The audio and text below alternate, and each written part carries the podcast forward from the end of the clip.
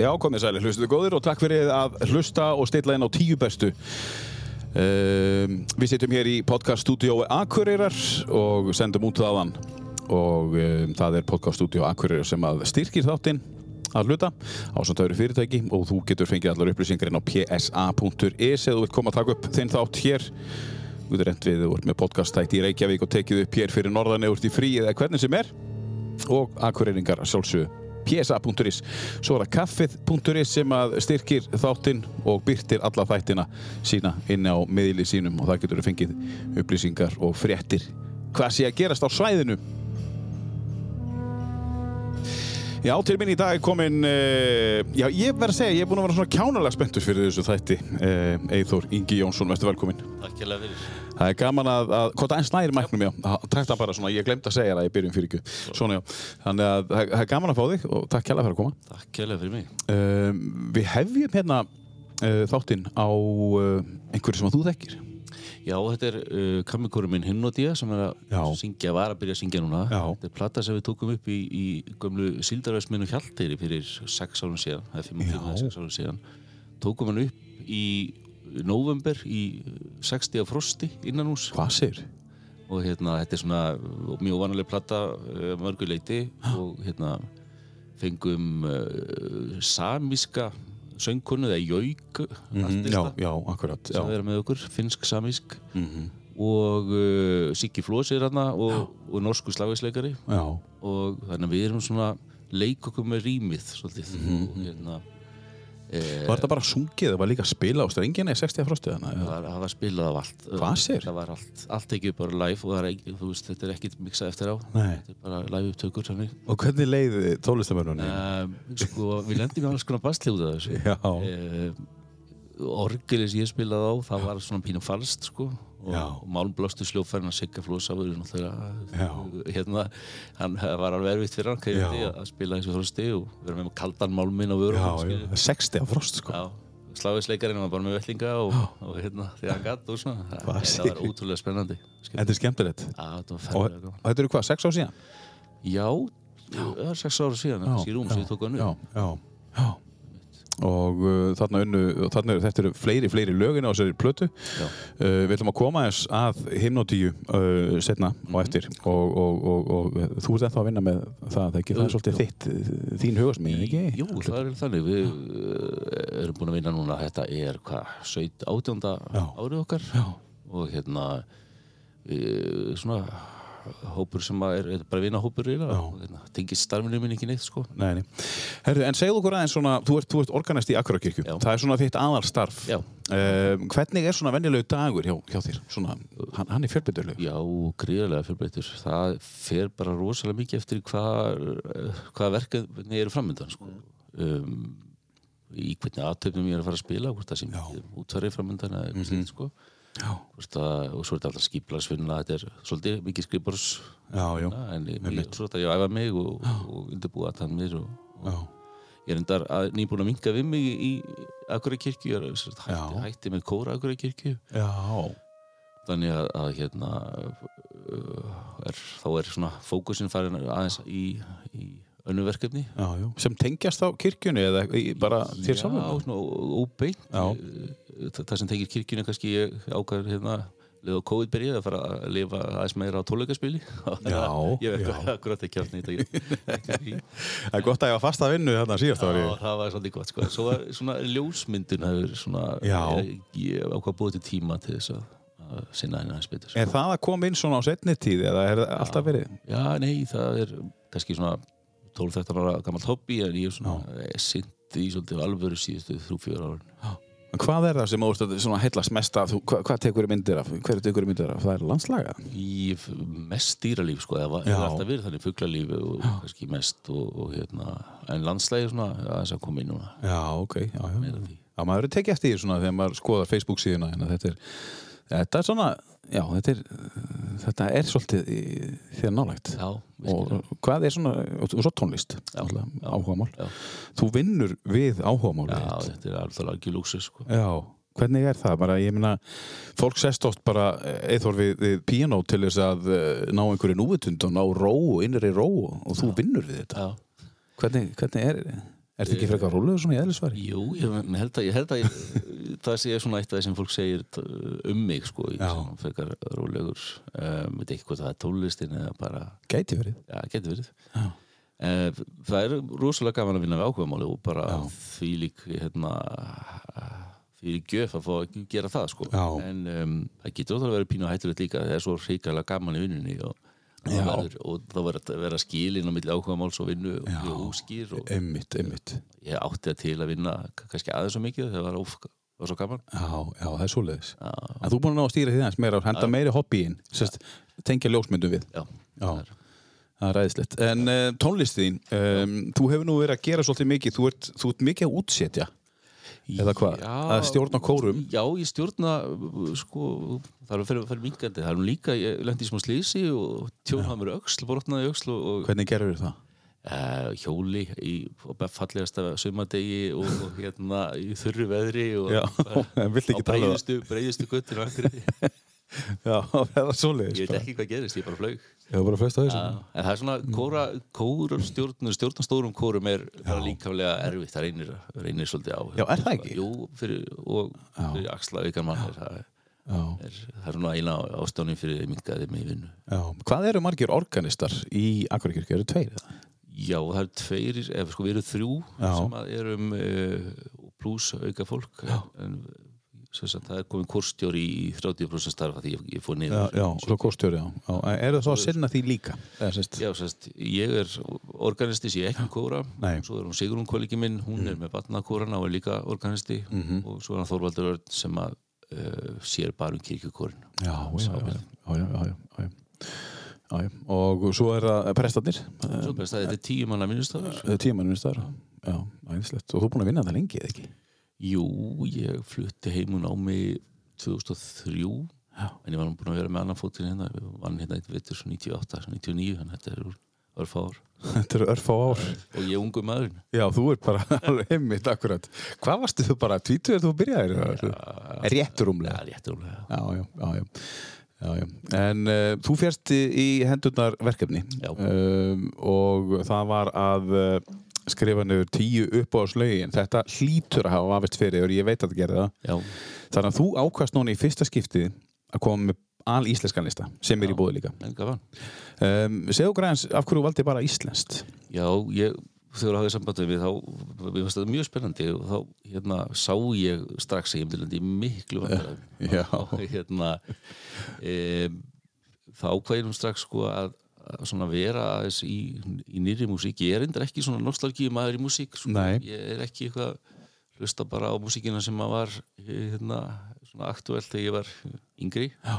Já. Um, ég er einhvern veginn bara, já, ég er svona fyrst alltaf músíkin sem er í nútímanum vera best nema Já. hún sé bara saman fyrir 1900 og sé klassi E emitt, emitt. uh, en hérna ég ákvað að vera með íslenska músík og, og ég á mér eiginlega aldrei neinn uppáhaldslög það er, er meira þannig, en ég þurfti að setja með mörg sko þar líka Mm. en ég ákvað að, velja lög með flytjendum sem hefur fundist alveg óbúslega gaman að vinna með Mhm. eða uh, rosalega gaman að fara á tónleika með ég Mm. svolítið á tónleika Já.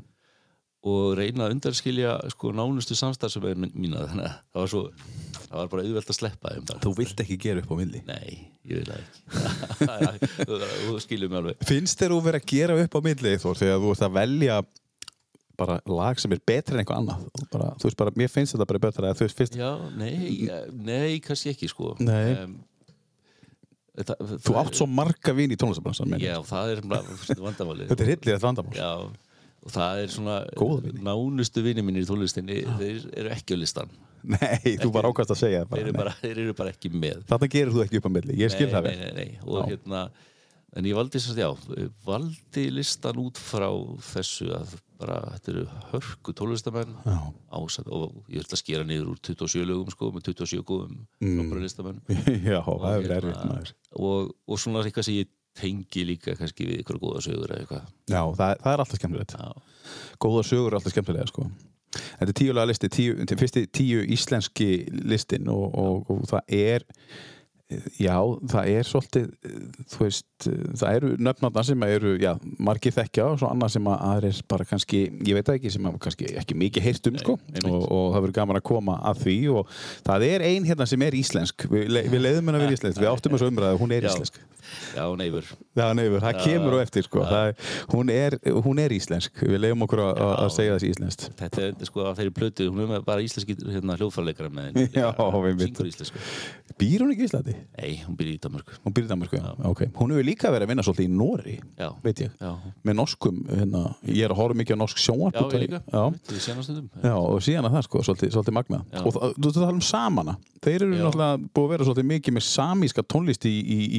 Er senastundum. já, það það- Eurovision síðustu, síðustu árin og með þessi í sænsku líka. Í, Og sænsku líka, Já, í indakefnum hef ég séð það, sko. fylgistu með undarkeppnum ellendis í Eurovision til dæmis sem er núna á lögutum Um, í Noregi og Svíþó þar ég að viðkynna það hennar. Já, já því þú horfir, þú horfir á það, þá hlýtur að ræta inn á þetta ég, það, ég ger það og hérna fyrir svona þreymur árum þá bara horfði ég á alla undankefnir í Mhm. Noregi og Svíþjóð og eitthvað aðeins í Danmörku sko, bara mm -hmm. Mínu og fannst það bara gaman þetta er svo flott sjó, sko. Þetta er rosa sjó sko. Já, þetta er, þetta er, þetta er öðruvísin þetta heima, þetta er, það er eins og sé bara já. sérstaklega í Svíþjóð, alveg svakalegt sko. þeir eru ægilegir, af hverju eru Svíjarnir svona alltaf einhvern veginn meiri, Já, ég, þeir eru með fleiri þekkta tónlistamenn, um, fleiri, þú veist, einhvern veginn allt stærra, já, bara, já, það er þetta er svo stórt fag bara músík í Svíþjóð. Ég bjóð í Svíþjóð og lærði það sko. Já, og tók einu sinni þátt í söngakefni já, hérna, já, söngakefni tónlistarháskólana í Svíþjóð, Já, já, hvernig gekk það? sko ég fóð sem dansari. Já, ok, Þetta var nú grínadrið, við komumst í úsleitakefnina og, og, og mér er að það var alveg fáralega metnaðfullt sko, alveg sjóið í kringu það. Allt. já, er það tilengst Ég vona ekki. Við viljum að skoða á YouTube eftir hvað, hvort við finnum þetta. En, en, en kannski er það til. En ef það er til þá hendi ég linkin á og ég verð að gera það. Já, já, ok. en þú ert svona dansar eins og, eins og Logi var í, í hérna, skriðjöklum Já, kannski, svona, ég er sko, ég, ég held að danshæfileika hans séu jafnir meiri og betri en hann, þeir voru með svona varamann þetta var svona innáskiptingamæður þú veist, ef það meittist gítarleikari eða söngari þá kom hann bara inn í staðin, þetta var svolítið magnað sko. varst þú í einhverju svoleiðis? Nei, þetta var, sko, þetta var svona atriði, ég var að læra kirkjutólist Já, og, og það er náttúrulega hljóma mjög nördalega við sýtum og spilum orgur og stjórnum kórum allan daginn. það voru þarna nefndu bekkjafélag mínu sem sömdu bara alveg svaka balluðu og bara ja, ekta sænska ballu popballuðu Já. með alveg rosalega veinum texta Já. og það var ákveðið bara að láta tvo organista syngja lagið og, og þrjá organista dansa bera ofana hérna á, á, á sviðinu fara alla leið með þetta og hvernig gekk, eða þú veist, hvað, hvað í, ég, ég sko við þetta er sérstök Eurovision keppni bara, eða keppni já, já, þetta er bara svona eftirlíking af Eurovision Já. En hvernig gekk? Ég man ekkert í hvað sæti voru Nei, Við fórum í úslitakefni Já, það er bara frábært. já, já. En hvar bjóst í síðu? Og hvað lærir þú? Eh, Ég bjó í Pítió heitir það, það er norðarlega, mjög norðarlega. Um, Það er sömu breytagráð og Akureyri. Já, ok, þúsund kilómetr norðar en, en hérna Stokkólmur Já, uh, Fór þangað í freka lítinn tónlistarháskóla. Eiginlega til að elta vera hjá kunnum kennara. Já, og þar lærði ég sem sagt, þetta, þetta var sjö ára nám. Vá, Ég bjó, bjó þetta í fjögur ára svo þældist ég á milli og kláraði það að lúkum um, já, það lærði ég alls konar hljófæraleikur sko. Já, um, alls konar píanleikur og, og orgeileikur og spunni mikið og kór og hljósandastjórn og er, þetta er svona langt nám.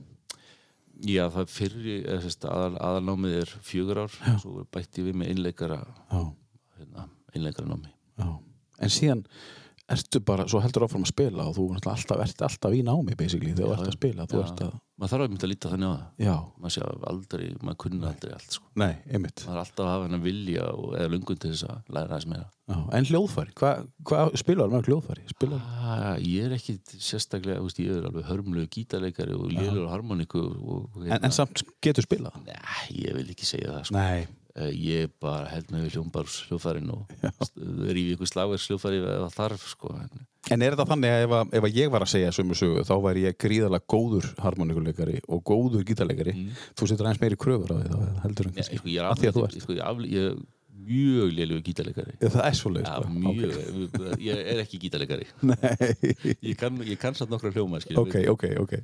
En, en ég er mjög, mjög frambærilegur á harmoniku með hægri með hægri. Og svo er það, svo það píanóið sem á því hugð þín allan. Já, já, piano og, og hljómbórsljófæri og Hammond og, og allt þetta. Já, svo leiðist, þú semur á píanó eða hljómborð eða hammond eða hvernig er það? Svona. ég er búið að lítið að semja. Já, uh, og ég, ég útsett svolítið fyrir Mhm. bara aðra og fyrir kóra og svoleið sko. og þá er ég bara oftast sitt ég bara við það píano ef eitthvað er sko. Já, ég er meiri og það er svona kannski ekki karakter í ég að, að vera ekki búinn að hérna, skipuleikja mig þannig með að ég sé búinn að útsetja eitthvað fyrir sjálf mig. Heldur, finnst mér bara gott að koma á staðinn og spinna. Já, ég já. er meira í spunanum. Já. Og það gengur. Já, ég held að það er fínt fyrir svona sveimhuga eins og mig sko. að hérna geta að bundin af einhverju sem ég er búin að skipuleikja og undirbúa áður. En er, hendar þá starfið er ekki fyrir svona sveimhuga eins og þú segir eh, það sem þú gerir í dag, það er ekki dagur eins? Jú, það er bara tilvalið? það er bara- það er þannig sko. Já. ég held ég sé búin að læra líka sko að hérna uh, losa mig undan því sem ég var lélugur í hérna út af því hvað ég mikil sveimur í. Já, meinar. Um, það er bara aðrir betri í því og Já. hafa tekið það aftur yfir sko, í, í svona alls konar samstarfi og eins og gítarinn. Eins og Búin að losa við hann fyrir löngu já, sér já, já. Herði, við skulum vind okkur í þetta Eithor, tökum Já. hérna að því að við erum hérna með fullt, fullt af flott, flottri tónlist og, og eins og ég segi, tökum fram, fram að þetta er íslenskt. Uh, Fyrsta, þetta er eitthvað sem hún kannski kemur með og segja hvað hva, hva við erum að fara að heyra hér. Já, Viltu byrja á þessu? já, byrjum Já, með þessu. já, þetta já. er uh, sískina duettinn Blátt Harmony úr Sarvadal Úr svarfa þetta já, þetta er Þetta er bara hérna Ösp bara, og Örn Eldján Já, já, Tjörn í Sarvadal uh, þau eru frábæri tólistamenn já, Örn til sem gítarleikur og útsetjari og Já. hann er hljómsveitinni Valdimar og spila bassa, alveg svakalegur á bassa já, hann er í Valdimar Já. Já. og Ösp er með einhverja fallegustu rödd sem að, að bara séu hýrst það er Þá er nú mikið sagt. Hún já, einmitt. Kóramaðurinn. já, hún er náttúrulega að sækja það. Mamminar Kristjana Argrinsdóttir er líka alveg Já, já, já, já. súper góð sangamenn það er svolítið skemmtileg saga. Ég nefnilega hafði samband við Ösp ég undirbjóð aðeins við þetta hérna. Já, já, já, hvað er gott. að- þau hérna þetta er svo krúllett og fallegt lag. Og ég, ég spurði hann hvort það var ekki rétt að hún hafi gefið Erni þetta lag og það er rétt og hún skrifar hérna og ég fikk leiði að vitni þess að hún skrifar. Já, hún segir Lægi var saman til Arnar og fjallar í raunum okkur Mm. og þá sem kallast draumur af fólk en mér finnst draumsnillingar fallegra orð og er einn réttara. Og þrátt fyrir að lífi sjóð snúið og erfitt þá er mikilvægt að halda áfram og leifa sig að dreyma, vera jákvæð og hætta aldrei að elda drauma sína á ástriðu því án draumsnillinga var í lífið ansi litasnöytt mm. Tókum lagið upp í sömar í kjallarnum og tjörn og fengum Björk sýstur til að slást í hópin sem gerir þetta lag enn mínu það eru bara þrjú hann Já, indislegt. Við skulum heyra, þetta- heyra, heyra brotur úr svo lagi Draumstillingar með Blótt Harmony úr Svarfaðadal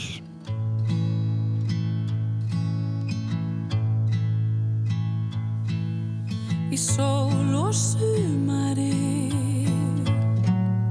við lekum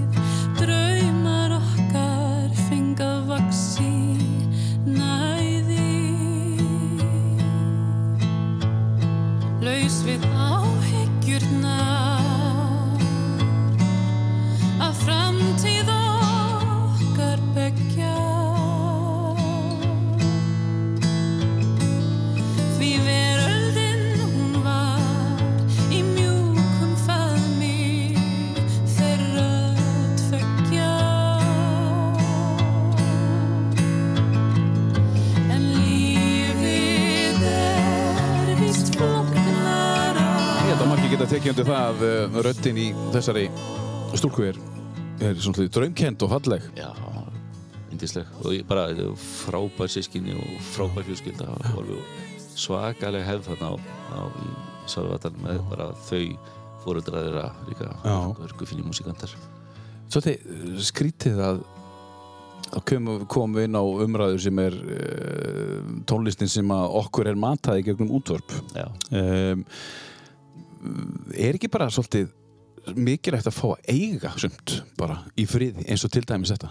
Jú, þú veist, uh, ég meina auðvitað vilja allir tónlistamenn, þú veist, fá mikla spilun og mikla aðtegli og svo leiðis en, en, en mikið afskaplega var þetta fallegt og, og, og hérna, gaman að eiga. Já. þú veist, bara í, í, hérna, í hérna, þau eru búin að gefa þetta út Já. og, og þetta er komið út og, og, og það er fólk að hlusta á þetta og þau eru með, með hlustandahóp já ekki nógu stóran mér. Ekki nógu stóran samt, sko. bara, þetta er þýlík gæði hérna, Já, rosakæði, sko. að það væri hérna, ég vona að það gangi vel þegar maður koma sér á framfæri. Já, þetta var tekið upp í fyrra Já, Já, og það er ekki alveg að marka árið í fyrra. Einin En þú hefur unni með henni, e, stelpu og sungið með henni og þeim báðum já, já, og mömmunni? Og pappanum. Og pappanum æðislegt. þetta er bara stór fjölskylda. Alveg svakalega músikalsk þetta var hljómsveitin uh, Blood Harmony uh, íslenskt úr Svarfaðadal en mér langar að tala að því við erum að tala um uh, kóra svolítið mikið og, og, og, og þannig um, uh, mér langar að bara hrósa þér og þeim sem komu að jólaplötunni með himnodíu. Þetta er Ok. að mínu mati bara einn flottasta jólaplata sem ég hef heyrt. Uh, og ég er nú ekki að segja það bara af því að þú ert hérna. Ég er eh, persónlega á síð, síðari árum þá er ég með svolítið svona fetis fyrir kórum í kringum jól. Ok, og, og, og þessi plata er náttúrulega bara uh, mér finnst hún vera á öðru leveli þessi plata sem að, hvað heitir platan eftir? Uh, það er ljós inn skein. Já, já, já, það er ljósinskein já.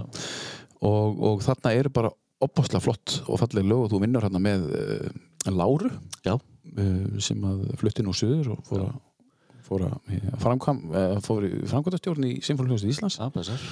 Hjörleifur Örn, sláðisleikari og Hjö, Hjörlöfur Örn. Og, og hérna og, og, og þú veist þetta er platan er svona. Já, og, og það er ekkert það er ekkert eitt lag eða eitthvað sem að brýtur pl- plötuna upp. Nei, þetta er nú verið, við gerðum þetta í framhaldi af jólatólukum sem Já. við heldum og, og höfum haldið alveg síðan.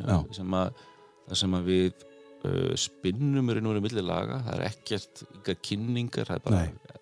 Slögt rafmagnsljósin í kirkjunni. Mm -hmm. og uh, þannig að hljóðfæraleikarnir sem koma með og kórin stundum spinna svona brýr á milli laga. Já. tengja saman lög.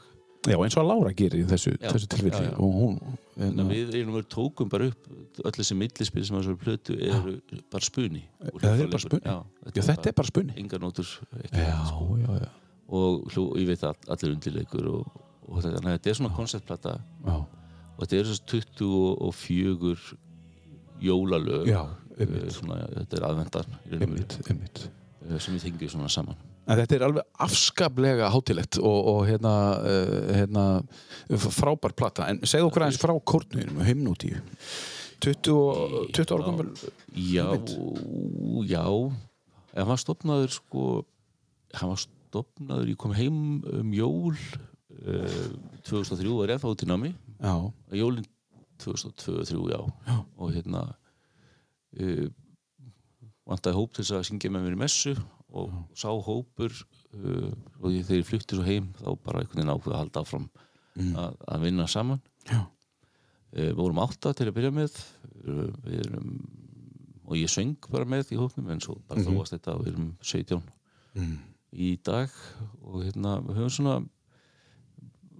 allavega svona stóra hluta af, af okkar starfs uh, svona að þessum árum er, er, er, ekki verið að vinna í svona venjulegri venjulegri kortónlist eða þá ef við flytjum manna þá gerum við eitthvað nóvanlega hátt. Við erum ofta að taka þátt í skrítnum uh, innan samstæðan og það er það sem að aðgreinir himnótíu frá öðrum kórum já, sko, nafnið. já, já, já, þú veist, það bara, ja, þetta er öðruvísi. Já, já. það bara, ég held að komið stimpill á þetta, þetta er eitthvað, þetta er eitthvað nýtt sem er að gerast og uh, var þetta ekki kvennakór fyrst?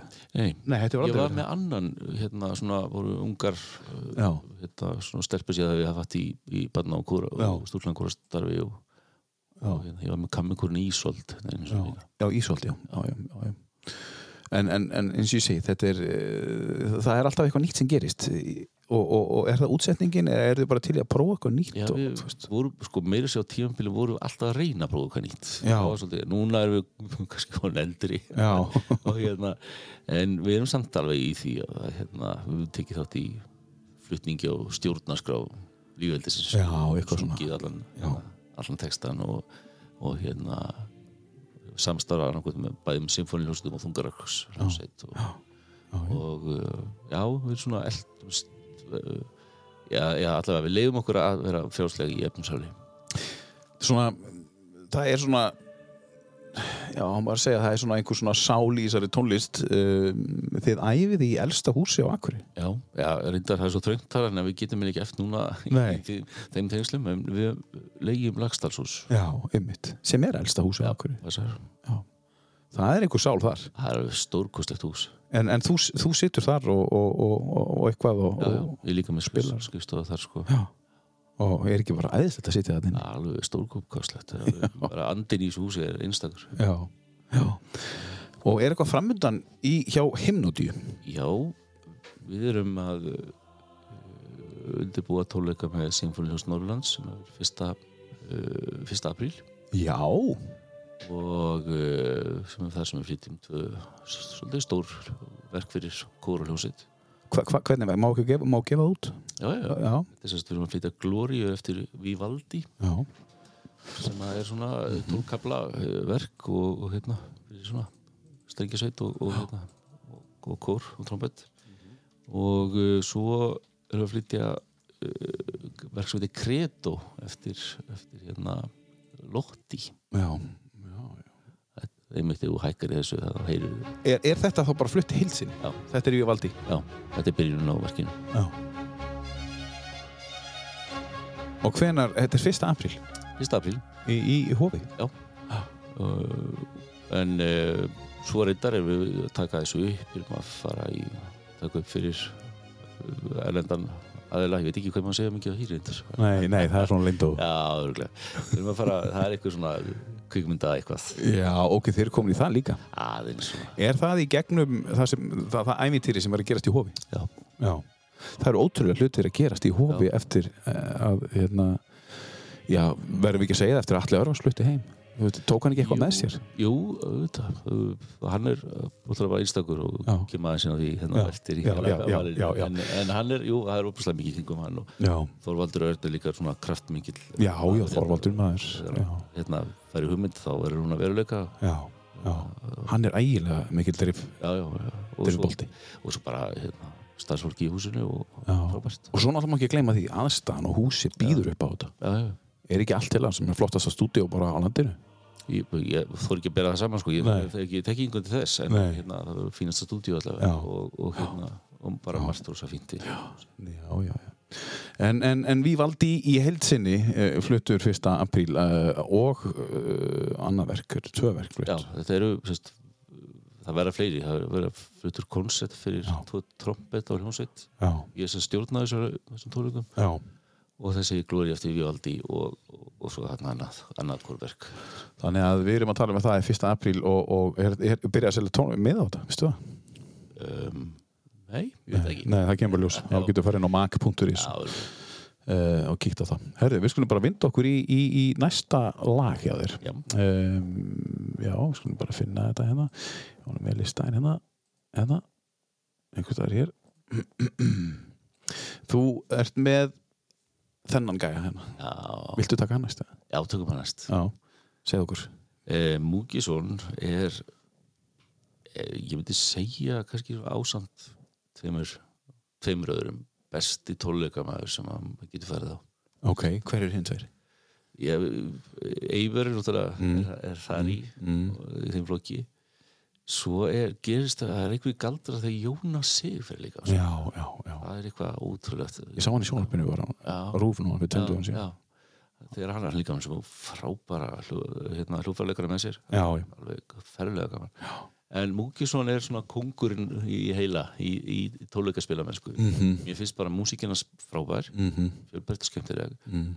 og hann er ævintýralega góður á sviði Já, og líka með alveg topp hérna, hljófarleikara með sér alltaf um, brjálaðislega skemmtilega útsendingar um, og svo er þetta sound það er þessi græja, þessi fyrkt með hann ónýta gítar ónýta Alltaf meira en ónýta gítar með sér marga pikk upp á gítar Það er búið að líma hann saman með teipi allt og þessi effekta sem er að nota og sak- og þarna saxofótin í bassa Spilar hann á þetta alltaf? Það? hann nei, nei, það er bara góður já. sér sko. Um, Múkisson Þetta lag, I'm a Wolf. I'm a Wolf. Ég veit ekki, sko, ég held að þessi stjúpsónum minn, hann virkir bara sem að svo honum að kenna. En þetta er honum að þakka að kenna já. Já, að ég, að ég einhvern veginn fjall svolítið fyrir þessu lagi. Þetta er bara eitt af fjölmörgum uppáðslögum með Múkisson En ég valdi þetta, því þetta er, finnst þetta að vera svo mikið hann. Þetta er nú tíu uppáhals íslensku lögunniðunum þegar þú tekur alla viniðina í burtu og alla samstagsfélagina í burtu. Já, já, já, og skilur hina eftir sem að eiga Þetta með hlusta á Múkisson nokkra, nokkra, nokkra glefsur úr þessu lagi I'm a Wolf left to burn. I say I'm gonna go for a drive, but I'll never return. Cause I'm a wolf.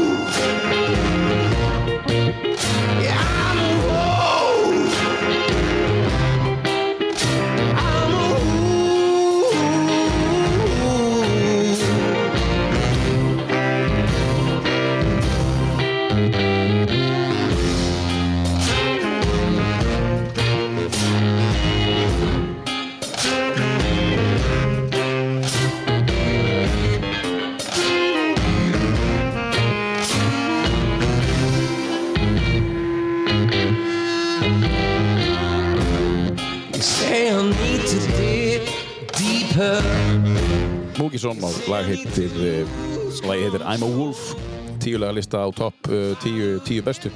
Hljómsveitur Eithor uh, Ingi Jónsson eins og þið vitið og, og uh, við erum að fara yfir listan hans og þú segir að þú kaupir allar blöður Já, allar. Ég, kaup, flestar. ég kaupi mikið af.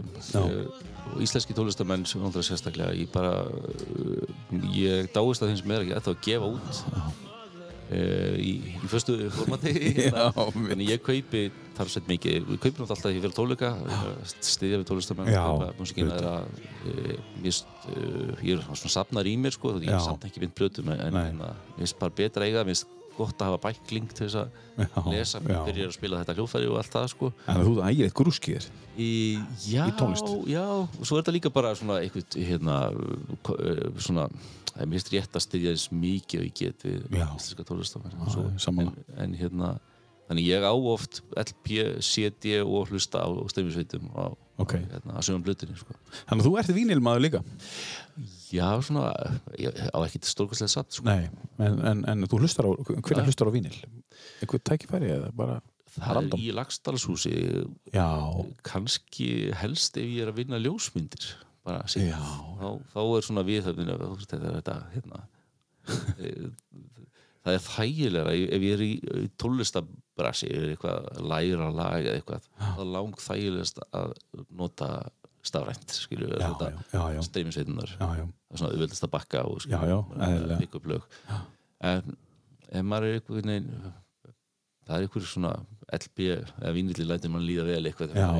Gera eitthvað annað með sko. Það er svona slekkur svolítið á stressinu. Já, já, og ert svolítið á staðnum Já, bara, þú veist, og hérna og það er svona einhver það, þessi vinna, þessi vinna sem fyrir það að setja blötuna á já, snúinu við. já, já, að, það er einhvern veginn veist, það, það er ég legg mig þá allavega fram við að hlusta já, en, og, og ég er ekki að hérna, þá slekk eftir tíu sekundur á læginu þá er ekki að skipta, skipta í næsta ég bara, þá klára ég bara ett lög það er svo auðvelt í dag að hlusta bara á örfá sekundur og ákveða þá að lægi sér leðilegt eða eitthvað. Já, en maður gerir það ekki, þú bara leifir í bara að maður hlusta allt sko. hlusta bara allt í gegn. Og svo er, má ekki gleyma því heldur að hérna, það er ákveðin ég veit að þú uh, ert örgulega sammála þessu að það er ákveðin listi í að raða niður lögum í rétta röð fyrir, fyrir mannina okkur hlusta á. Já. það er opbáslega mikið spekulasjón á bakvið það já, jú, jú þannig að þú veist þegar maður fyrir ná einhverja plötu og, og sjöflar henni já, maður ætti ekki að gera það. Nei, það er alls ekki. Bara ít og lag nummer eitt og leifin að rúlla. já, það er einhver já, það er ímislegt, það er útlæða stemning og Já. veist, hvað, þegar spáður í svona hvaða lag helst getur grí- grípandi, maður setur það ekki næst síðast skilur, nei, nei, hvað munir ná helst kannski árangri með. Já, og ég pæli því að ræða blöðum og blötu þá pæli ég líka í tóntegundum. Já, um, hafi ekki svona hálftón á milli veist, hérna, Já, já. Voru, svona, fyrir tólistamenn geta, geta að tóntegundabreitingar milli laga geta erfiðar, það er sjokkerandi já, já. Og er þetta þá svona eitthvað sem maður bara heyrir og fílar en getur ekkert pælt í það því að maður kann þetta ekki? Þú ert Já, ég, bara, ég, neða sko, fyrir hinn almenna ég hugsa það sko, allavega, allavega fyrir tólistamenn þá stíf alveg svona, byrju, skrítið, hann fór á F-mál í fýstúr Já, Nei, já. alveg. svona, látið að svona pínustiða með En það. er náttúrulega hel- hel- hellingsfræði á bakvið þetta, er sjö ára nám. Já, þannig að þetta er sjö ára nám í að, að, að, að einmitt, þetta lítur að tengjast bara því sem þú lærir bara, Jú, að líka og- bara lært tónlist alla æfi einhvern Já. veginn og, bara, og verið í tónlist alla æfi þá sé ekki í stúd eða eitthvað inn Nei. sérstaklega þá er þetta síast inn einhver, einhver svona, einhver serviska en kom einhver tíman eitthvað annað til greina en að læra uh, þetta sem þú lærir? Já, Já, ég ætlaði að vera bóndi. Já, Já, já, fór í bændaskóla. Og hvað nýri? Já, Já, já, já. og hva, hvert ætlaði að, hvað ætlaði að ég rækta? ætlaði að vera, ætlaði að vera söðfabóndi í dölum. Það var alveg framtíðar sín Það er svoleiðis. Ég man einhvern veginn, ég er sérst er úr sveit og Já, einhverju nóttina ég veit ekki hvað ég er gammal 14-15 ára eða eitthvað þá já, var á, á næturvakt í Suðbyrði já, og svo fallegur morgun þar, og þá bara ákvæði þetta að ég ætla að vera bóndi því ég er stór. Já, fór í bændaskóla 17 ára en, en tólestinn var fljótt. Ég hætti, ég, hætti, ég kláraði ekki sko. nei, tólestinn tók yfir. Hún tók yfir. Já, meðan þú varst á kannari já. ég var svolítið að spila á böllum. Já, uh, sagt það núna skreið út af hérna, heimavistin út um glugga þess að geta farið að spila á balli og, og lit vinni mín að opna fyrir mig. Já, já. svo og það hjálpa mér að skýða inn um gluggana til að komast Þá var þetta búið bara. Já, Þá var þetta bara orðið leigu húsnaði fyrir að gista með varst að taka gigginn. Svo þið ætlaðir að vera, vera hérna, bóndi í dölum en, en þú fluttir síðan bara í dalarina í Svíþjóð og ákvæmst að vera tónlistamæður Já, það var svona milli, ég fór bjóða Akranis í nokkur ár og, og hérna fluttið þaðan. En það bara, það kom ekkert andið greina þá? Nei. bara. en þú varst svolítið ungur þú átt ára því? 17-18 ára, 17 ára, já. það er ekkert allir sem átt að segja því hvað þið vilja gera þegar þið eru 17-18 ára gamli Nei, nei, sannlega ekki. Kannski þegar að það tengist tónlist eða, eða, eða leiklist eða einhvers konar menningu þá eru fljótar að spotta að ég ætla að vera þetta en mögulega. Já, ég sko, ég fylgir svolítið með svona ungum ungum minn á Akureyri sem er, er í músík, eða ekki bara Akureyri ég gaman að hérna, fylgjast með og styðja ungt fólk í músík. Mm -hmm. og mér finnst vera núna fullt af fólki sem er bara 16-17 ára að taka þessi ákvörðun. Bara ég verð tólistamæður og bara hugsa ekkert um annað. Nei, ég ber mikla vinningu fyrir já.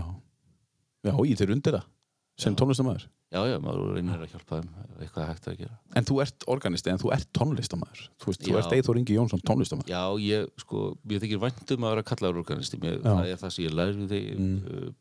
það er, veist, ég er klassísku tólistamæður í grunninn en, en sko, organiststarfið og svo fjölbreytta það er, ég spila orðið jafnvel minna af sem heitir klassísk músík heldur en af einhverju öðru, sko. Já, og ég held að, að það að ég kalli mig bara tólistamann sé kannski réttara já, organisti þýðir í, við, við, það er reynum við kirkjutólistamæður mm en að ég sé að vinna við orgelið er, er, er bara lítill hluti af starfinu. Já. já. En þú ert búin að kynast eh, rosalega mikið af uh, sessjónleikurum í gegnum tíðina sem að og, og, og það er nú engin smáræðis uh, sessjónleikari sem við ætlum að spila þetta næst. Það er Blásara maður Íslands. Já, ég er búin að eiga æðislegt samstarfi Sigur Flósarsson hann spila hérna inn á hinn á dýplötuna sem hún, hérna við byrjum á og um, ég hef flutt músík eftir hann með kórum og hann spila með kórunum mínum og hérna um, hann er uh, ótrúlega fjölhæfur uh, blásari, já, og svo var það mjög gott tónskáld og ég hef gaman að hlusta plötunar hans á mm. hans sem margar. Svo er hann líka, hann er duglega að gefa út já. og gefur út plötur í dag og mér finnst það líka flott. Hann er að semja alveg á fullu. Já, já, já. Það er gaman að sjá hann þegar maður sér hann á tónleikum uh, þegar hann situr hann uh, hæra megin á sviðinu uh, að, að þá er hann bara búinn að raða alls konar hljóðfærum í Já, kringu já, sig og svo skiptir hann bara alveg bara, Já, já, þú veist, ekkert já, þess að hann já, já. virðist kunna þetta bara allt Já, saman við- eigum við að heyra lagi með honum? Hvað, hvað við að fara að heyra hér? Þetta er Blátt líf, það, ég valdi þetta lag því að ég, þetta er Hammond, Mhm. Hammond lag, Þóri Baldur með honum hana og, og eina skefingar hann snillingu séfinni með sem er alltaf ótrúlegu slagisleikari. Þegar þú heyri Hammond, erstu þú bara ofur söldur? Uh, já, eiginlega, ef það er fallega að spila Hammond og Þóri er alltaf já. Þetta er ríkalega flott, flott lag. Er þetta jazz? Já, já, já. Hlustum á með Sigga Flosa og Þóri og fleirum. Uh, Blátt líf af uh, plötunni Blátt líf.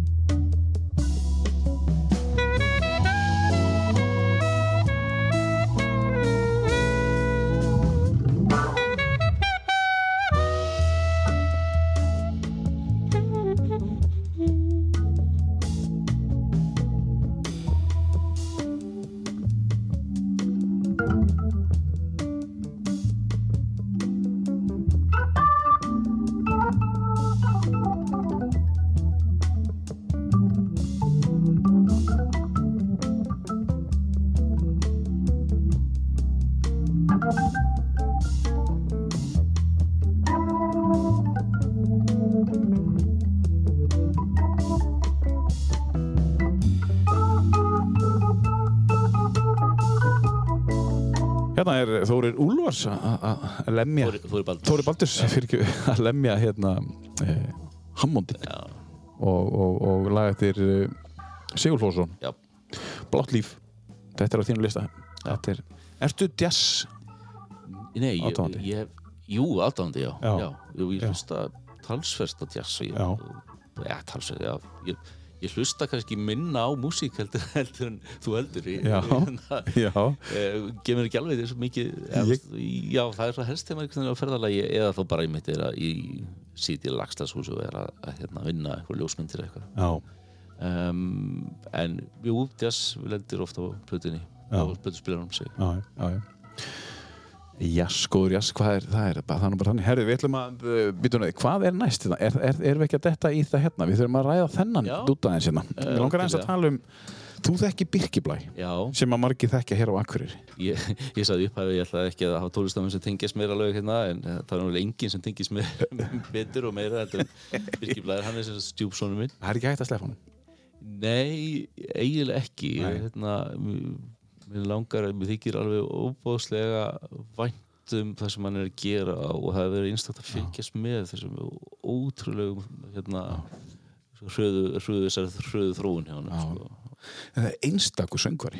Já, hann er bara, þú sé, ég er náttúrulega ekki hlutlaus en hann er, Nei, sko- hann er bara rosalega góð Hann söng í brúköpur Já. Skilur við þannig, að- þannig þú veist, það hefði getað verið hver sem er sko. Já, hann er, hann er, hann er rosa fýtt söngvari já. Hann er, hann er, hann er opáslega mikið sál í honum bara, og, og hérna innlifunin og, og allt þetta gamla stöf sem hann er að gera hann syngur Ettu James og, og, og, og þetta gamla og býr til eitthvað nýtt eins og, eins og, eins og himnódía gerir Já. stundum, þú veist hann þorir að brjóta upp einhverja stefnur og bara fara sína eigin leiður, það er hugreiki algjörlega. Svo hefur hann verið að gefa út sína eigin plötur.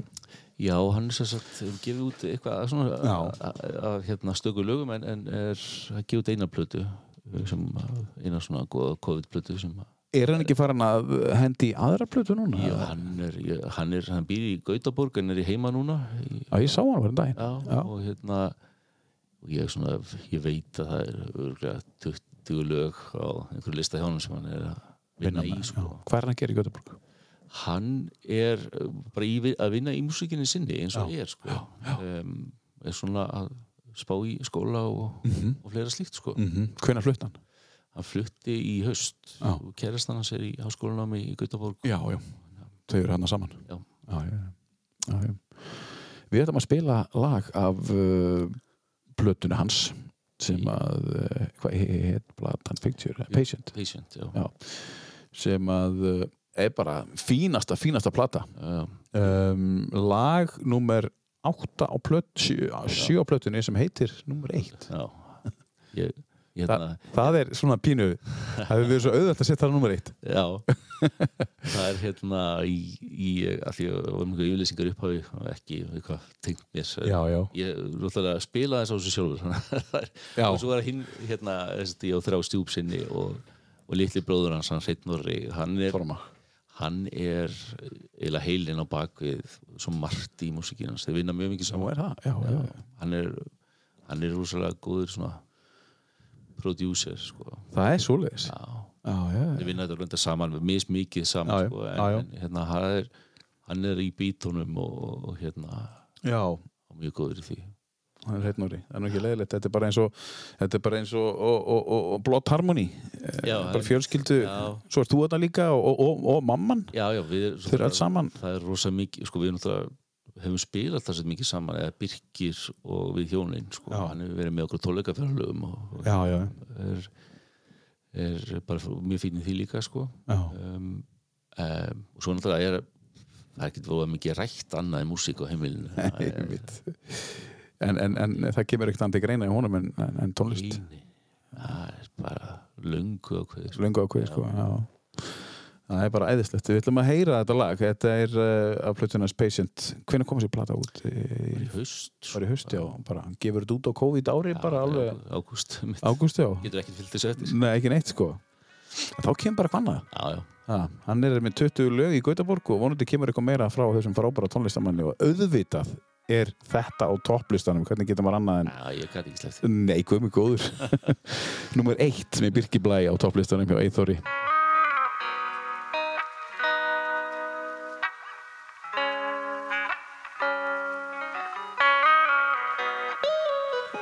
Loving you will always be my number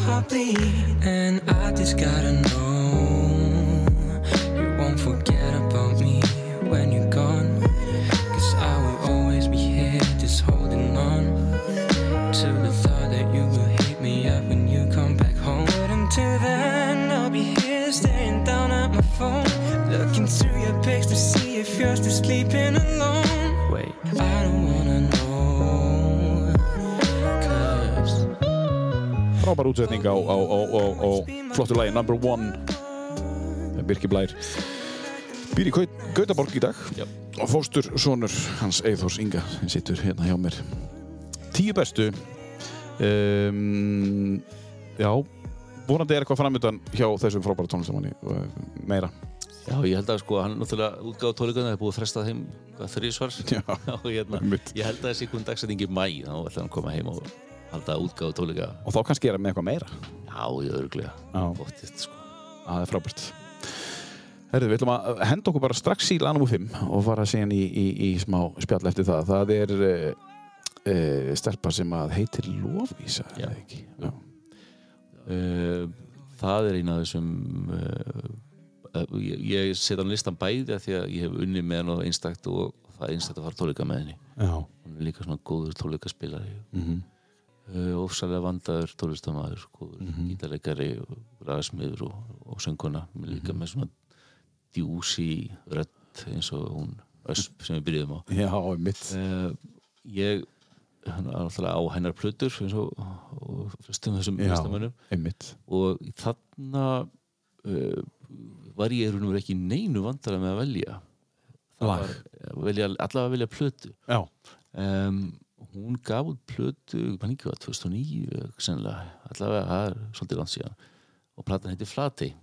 Já, flati. og er tekin upp í Flatey breiðafyrði og þetta er svona lægutökur það er maður maður heyrir í sömu lögunum að það tekið úti sko, það er svona vind hérna hljóða aðeins og, og uh, eitthvað tekið held ég inn í kirkjunni og maður heyrir í fugglunum og bakvið og svona. Og ég nefnilega er sjálfur okkur einasta ári í Já. í júnimáni í svona tíu daga, tíu þær vikur. Af hverju? það er að ég er að fuggla nördast það Já, er alveg tveimur rétt, fuggla já. ákvæmunum Já, ég er að bara í fugglamerkingum og líkarni tjaldi og það er list á milli eiga og bát og, og hérna. Og ég var ekki byrjar á því þegar ég eignast þessu plötu. Þetta bara færlega flott koncept og hérna bara þetta er ekki þetta er ekki best hljómandi plata, þetta er tekið úti eitthvað þessu skilur er þetta er fyrir hérna hljóðnörda er þetta kannski ekkit hérna meistarastíki Það er ekkert að vera það. Nei, alls ekki, það er nefnilega, þetta er svo dásalega plata að hún er ekki, að hún er bara, maður veit að hún er tekin upp hana Já. með einföldu búnaði Já. og, og þú veist, það er einhvern veginn, ég heyri veist, ég bara, það er fugla, heyrist í fuglum á þessu Já. mynd, sko Já, að því að, að því að vorum að tala um þetta hérna. Áður en við förum yfir í það. Já, Það er lag hérna með uh, stóri hljónsið, uh, Black Keys. Var hjá mér síðast hann hérna Ingo. já, Hlustaði eins á þetta, af því við vorum að tala um þetta áður en yfir.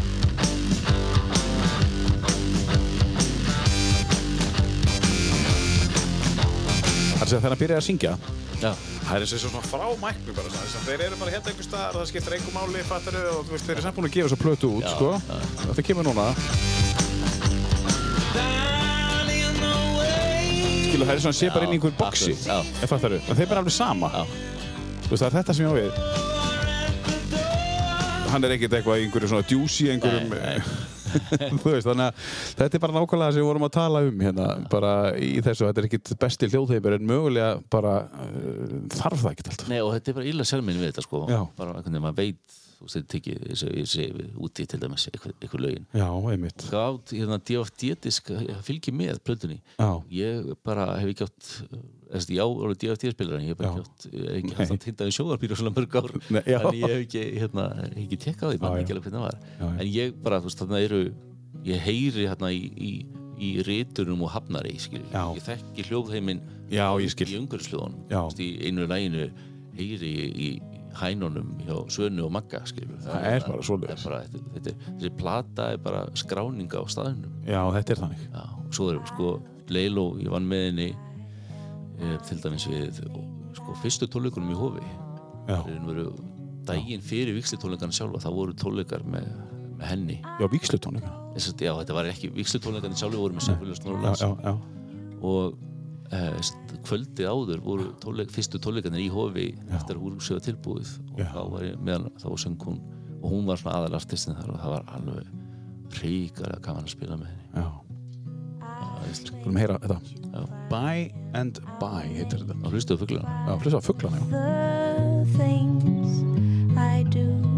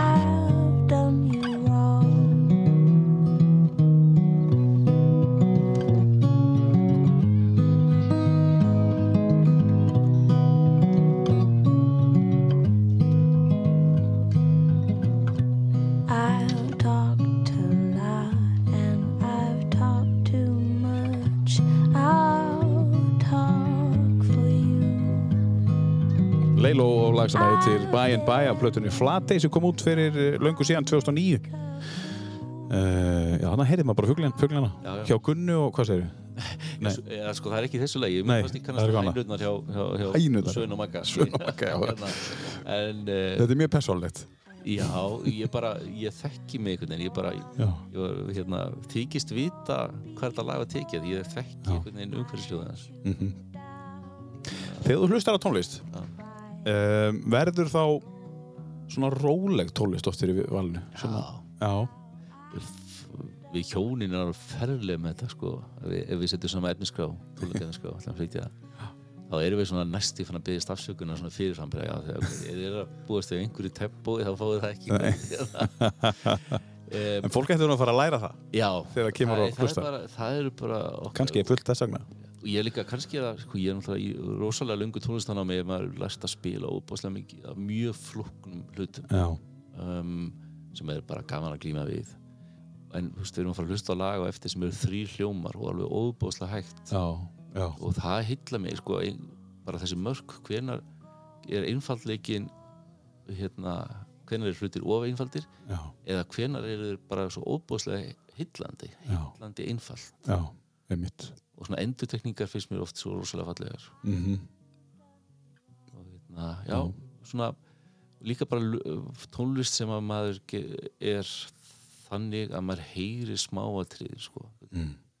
ekki ómikið í gangi. Já, Já, já, það verður gaman að heyra það á eftir En uh, ég var að tala um þú hlustar á, á þessa rólegu tónlist yfirleitt sko og, og kannski er það líka í eðli tónlistamannsins sem að er með í eirónu svolítið mikið og spilaði daginn að þá viltu fá svona eins og rólegt um, tónlist að stefna svona uppáhalds Men er, er það jazz eða er það eitthvað annað sem að áttu þér svona uppáhalds tónlist að stefna eða ertu bara út um allt svolítið sko, ég, ég held sko því að gera eitthvað bara bara fyrir sjálfa mig og, og hérna, spila bara fyrir sjálfa mig ekki með neitt framundan eitthvað mm -hmm. þá er hún klassisk músík mín tónlist ég finn hún Já. svona stendur mér næst sko. það er það sem ég lærði mest og, og hérna um, En einhver, einhver sérstakur þar Meni, hún, hún er mismun að alltaf. rosalega ég, ég veit ekki að þóra að segja það mestu óperu hundleginar Já, jú, jú, segðu það bara. Það er hérna Þú sagði það. Ég og farið óperur og ég svona ég, það finnst mér mér finnst tónlist eða bara snúst um tónlistina. Og sleng söngleikir líka og sögum ástæðu eitthvað neginn það heitar mig ekki sko. Nei, nei ég skil mjög vel og hérna þá sem að eru óperu súklingar og Já, já, söngleikja. En ekki þarft að fíla allt. Nei, það er svona kannski það, það er svona það sem ég set ekki á fún og ég á Nei. ekki marga óperu nei, um, það er til fallegar ariður sko Mhm. úr óperu. Já, En ég er svona, í klassikinni þá er kannski gamla músikinn sem er saman frá 1600 til 1750 mm það er hérna, heilar mig -hmm. mest Mhm.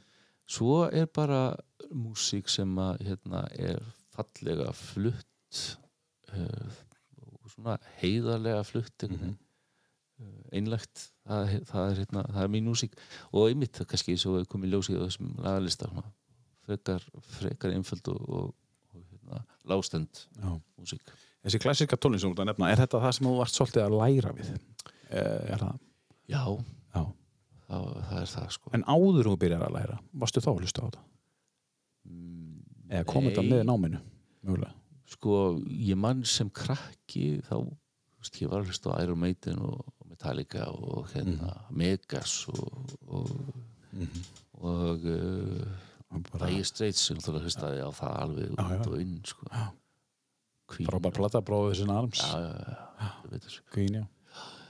um, Klassikinn kannski kom aðeins aðeins einna, svona ég var mitt fór að svo læra eitthvað alvöru Já. já. um, Já, ef ég á að velja eitthvað þá er það barokkmúsikinn Já. klassík Þetta er ekki barokk sem er að koma Nei, núna. nei. Þetta er eitthvað annað. Hva, hvernig stefna myndur segja að þeir væru með? Ég veit það ekki Þeir eru bara með einhvern hljóðheim sem eru búin að búa til. Það er bara þeirra stefna já. uh, Ég heitlaðist að Sigurós frá bara, ég heyrði fyrsta tónin sko. Og það er sko ekki tempo það er ekki mjög hröð músík og það, er svona pælingar og hljóðheimur sem að, veist, er, maður heyri strax að þeir eru að prófa eitthvað nýtt. Já, já. og ég fór á tónleika með þeim á hérna, hálsi í Öxnadal Já, fórstu. Já, og var gjössalega heillaður og kannski það ástæðan fyrir að háls í Öxnandal og hrundaröngin og þetta svæði Já. Er bara er minn upp á staður Þú náður einhverju stórkosleiri myndan Já, um daginn. ég bara fer oft þangað Já. bara á mjög mikið myndum hana en ég bara geng hérna um ég fylgist með fugglalífi fer upp á vötnunum og, og hérna Og þetta er áður en þeir koma. Þá varstu líka farin að mæta á, hrindragana. Nei, ég er bara Nei, að lifa eftir það, já, Ég hafði aldrei farið upp á Já, já. Ég hafði bara kipt hann skiljum eins og allir bara dástaði útsinu Það hefur eitthvað gest á tónleikunum. Ég nefnilega held það Já. Ég er gjössalega heillaður á, á þessu stað Álvarnir og eitthvað, það hefur eitthvað gest á. Já, eitthvað Svo Þú verið snertur hann. já, svo er þetta Steindur Andersen hana, með, ég mjög mikil þjóðlaga Mhm. tónlistar áhuga maður við hjónin erum, á einu sinni Mhm. að hérna, við flytjum mikið að þjóðlaga tónlist Mm -hmm. eh, kannski oft meira svona skandinaviskri sko, en líka íslenskri Mm. og það er einhver einfallleiki sem heillar Hvernig er venlegt kvöld heima hjá ykkur? er, er, er það bara hendi í hljómborð og, og, og mæk og er, er, allt, er allt til alls bara til þess að gera það? Nei, við, um, það er ekki, e- ekkert til tónlistarflutning sem Nei, ekkert. bara ég fóð með allt út Já, ok. það er bara til að lifa, lifa því bara aðeins að vera í fríði frá en við erum með aðstöðu í lagstafshúsi og Já, já. við erum með uh, Það finnir stundu bara svona þörfina bara, nú verðum við að syngja, nú förum við. já, já. Og, það kom svona tímabil, svo Já. kom löng tímabil sem gerum ekki neitt sko, já, já, já, já. Ég var að heyra hans í Sigur og, og, og Steindór Andersen og segir okkur kannski betur hver hann er á eftir svona fyrir þá sem ekki vita. Á ferð til Breiðafjarað vorið 1922 þetta er ekki smá ditill þetta er Sigur Rós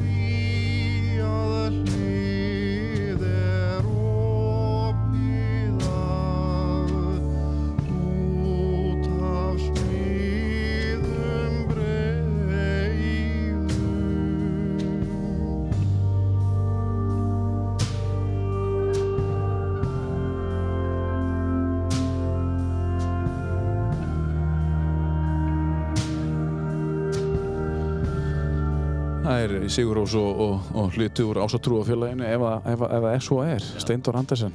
Það er hvaðamaður og Kvæðamaður, já. uh, frábær. Já, algjörlega frábær og svona óhrættur það er eitt hérna, sem að mér uh, ekki segja því leiðist en mér finnst erfitt þegar um, mennin eru hrættir eða fólk er hrætt við að blanda sama stefnum. Já, eru svona úrutistar í, í sínu og ég fekk einu sinni svona smá kvörtunabrif eftir að, að ég hafi postað vídeo okkur hjónunum verið að syngja hérna eitthvað gammalt íslenskt kvæðalag með, eh, með svona svipuð undirspil og þarna í gangi svona einhver hljóma já, já. þá var hérna hafið sambandið með kona sem var mjög viðkvæm fyrir þessu Mm. en tónskáld tökum sem klassiska tímans, bara Mhm. tónskáld gerum alla, alltaf hafa notað þjóðlög til þess að búa til Já. eigin tónsmíðar Mhm. eða sem, sem svona einblástur í sín verk og, og tólestamenn gera það já, það er svo leis Já, og ég mér finnst flott að Steindór, hvaða maður sé að vinna með Sigur Rós það finnst það ferlega flott og, og mér finnst hérna, flott þegar þungar okkar að fá klassískan kór og symfónist með sér Já. og, og, en, og sem klassísku tólistamæður ég er svona aðeins að við erum að stopna smá tríó hérna þrýr uh, gaurar eða eitt kall, ég og tveir ungir hérna í, í bænum það sem við erum að við erum svona aðeins að þreifa bara gaurar. hvar, hvar hérna hvað passar okkur best en við erum óhrættir við að taka Já. gamla músík og setja alveg fáralega búning sko. komið gott nafn og svo, þrý gaurar En hérna, uh, kvæða, fyrir þá sem ekki kannski eru alveg með þetta á hreinu, svona, kvæðamaður og tónlistamæður, söngvari, Kvæðamaður er að, það, er ekkert undirspil eða? Nei. Nei. Þá ertu bara að, Já, það er nú verið er svona ákveðinu mót eða svona ákveðin hvaða lög já. en þetta nota ímsa texta við sko. mm þetta er alveg stórkastlega íslensk hefð mm fulla við yngur fyrir því sko. en sé óhrættur við að að nota því annari músík og Já. bara íslensk þjólu og, bara hérna áðan spilaður hóðum þáttinn á, á hérna, íslensku þjólægi Mhm. um, sem að já, hérna, bara passar uh, við alls konar undirspil og í alls konar Já. fyrtingi já, sem að einmitt uh, var að blötunni með himnodíu. Já.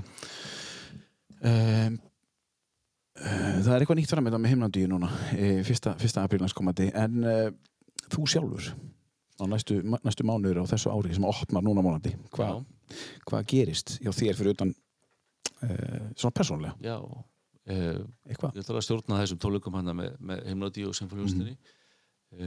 ég tók upp plötu eh, klassíska sólóplötu já, í haust og uh, hef bara hef ekki sérst, höfum ekki náða í upptökum að klára hana í veitur bara Anna og uh, þannig að ég stefni útgáfi í vor á orgelplötu tekin upp í Akureykirkju já, já, já. um, er það fyrsta platan þín þá? já, sem ég er einn. Sem þú veist? spilin og hellingaplötum og bara við samstarfi við alls konar tónlistamenn en, en þetta er eitthvað svona sem ég fannst, ég fannst ég að þurfa að byrja á þessu byrja að taka upp í Akureykirkju og það hefur verið rosa langt síðan ég byrjaði að pæla í þessu sko, já, 15 ára eða eitthvað. Um, nú er það næstu í frá því að bara eftir að komin út.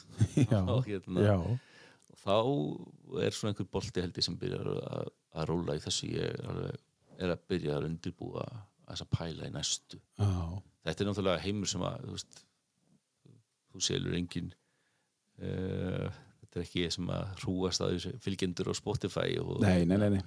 Um, en svona fastir. Já, það er og diggir já, það er kannski fólk sem að sem að hlustar á svona músík sem að kaupir að það plötur. Mm -hmm. það séum kannski ekki margir en, en þetta, er, þetta er ekki gert að hagnaða svona með Nei, nei, nei, hérna, bara, já, þetta er bara einhver þrá já. sem maður hefur.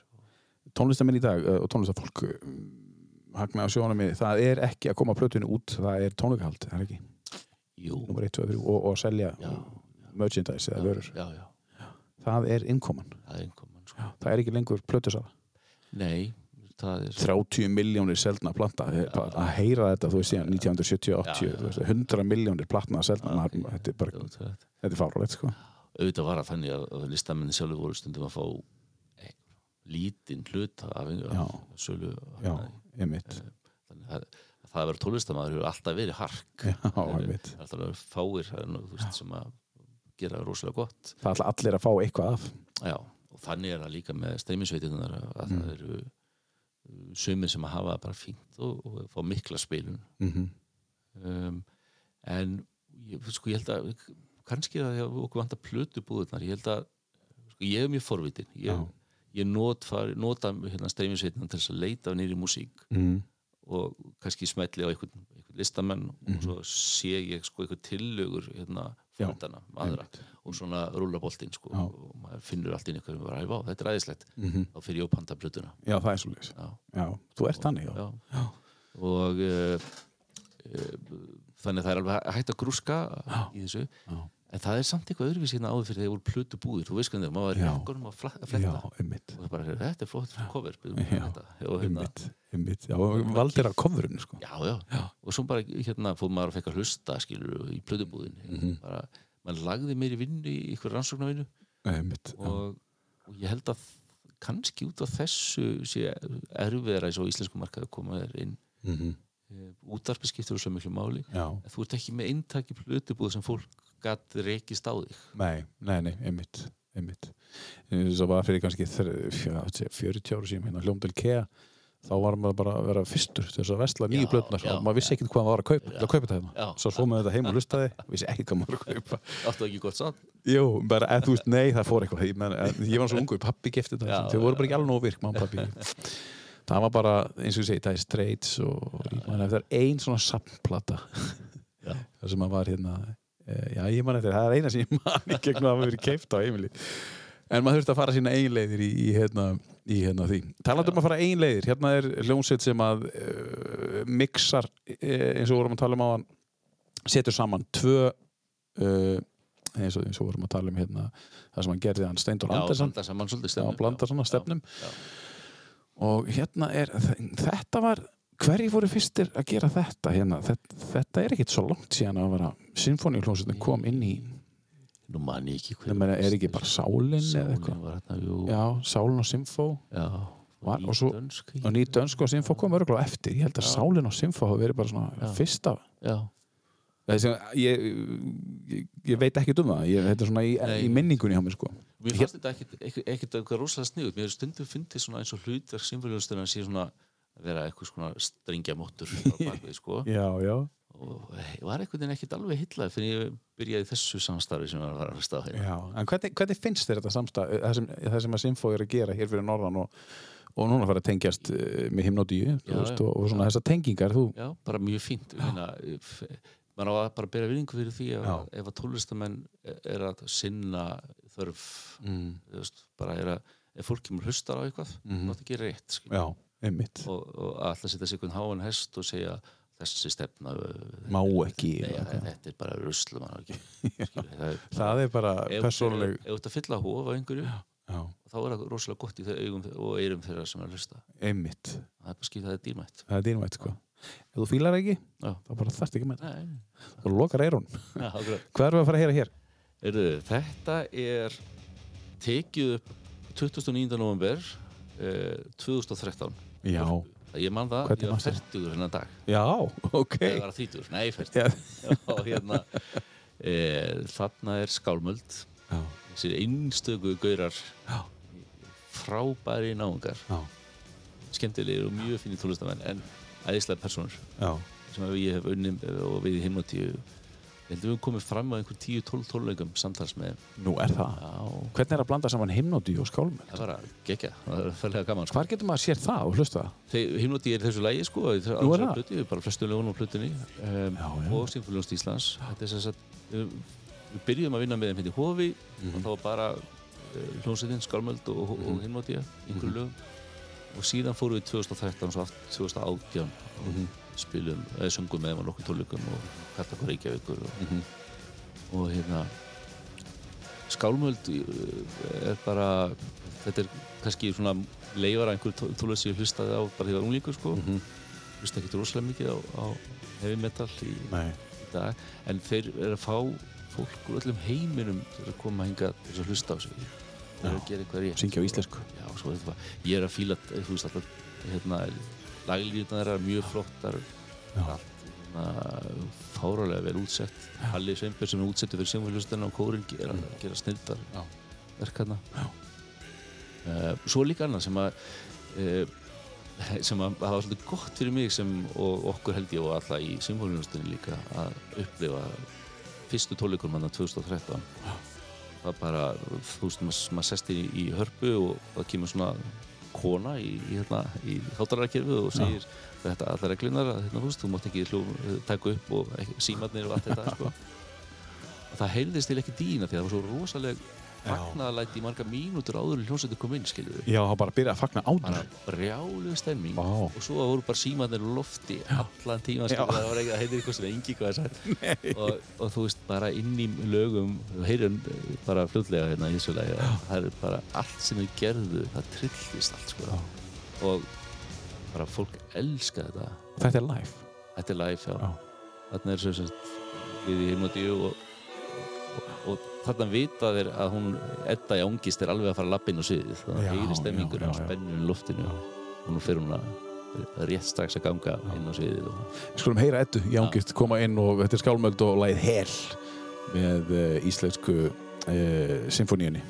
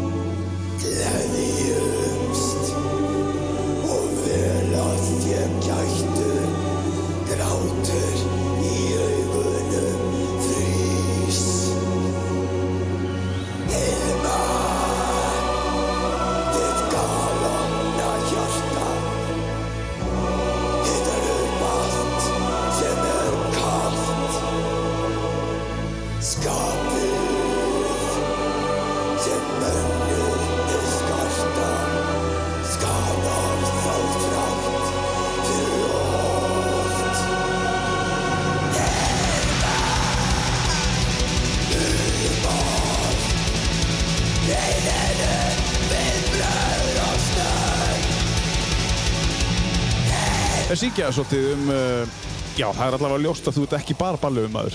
Nei, nei, alls ekki sko. og, og sem orgelikari Sem orgelleikari, Ég er já. náttúrulega bara að elska að blasta orgel Já, já.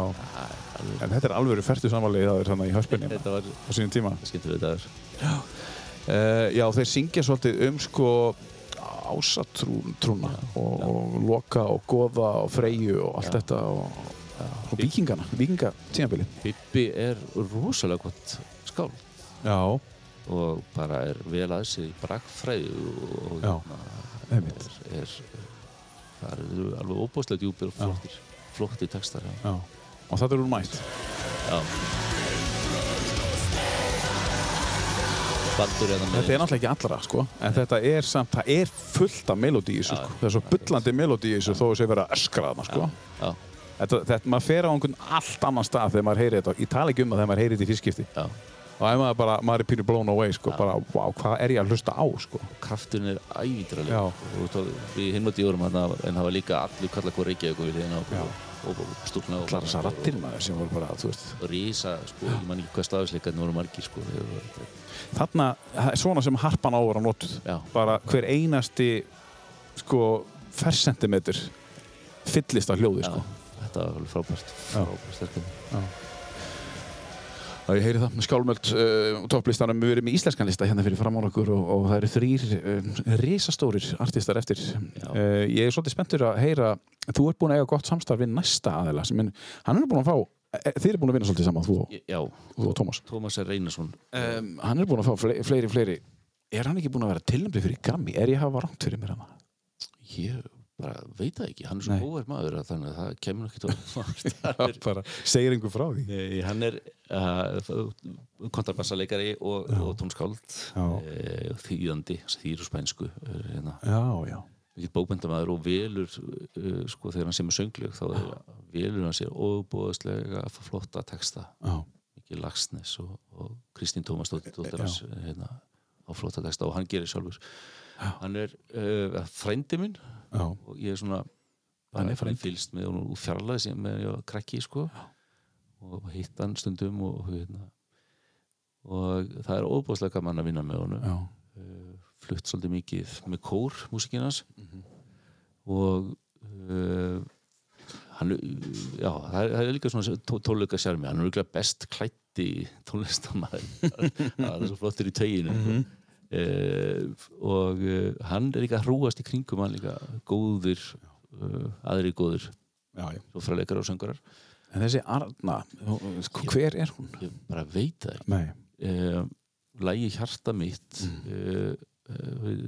lagur Tómasar við texta Haldur Slagsnes er til ímsum útgáfum útgefinum uh, með eh, sko frábærum söngkonum um, en um, þessi útgáfa sem er bara heldur bara til á, á YouTube Já, já. þetta er úr hljómskólanum og það er bara eitthvað við þess að rödd, það kemur enn og aftur eitthvað svona seiðandi djúp hérna, rödd sem að heitla Óþekkt. já, alveg hörku sönguna Þessi Arna, já. Og, og þetta lag, uh, Hjarta mitt. já. Er, er, það er tvö lög á þessum lista sem heita Hjarta mitt Já. er Þetta er ekki sama lagið. tilvíðun, nei, Það er bara tilvíðun. Algjör Það er ótrúlegt. já, algjör tilvíðun sko. Já. Heyrum maður sér hérna meistara Tómasi er eina sinni og, og Örnu Margrét sem við þekkjum ekki og væri til í að kynast aðeins sem tónlistamann. já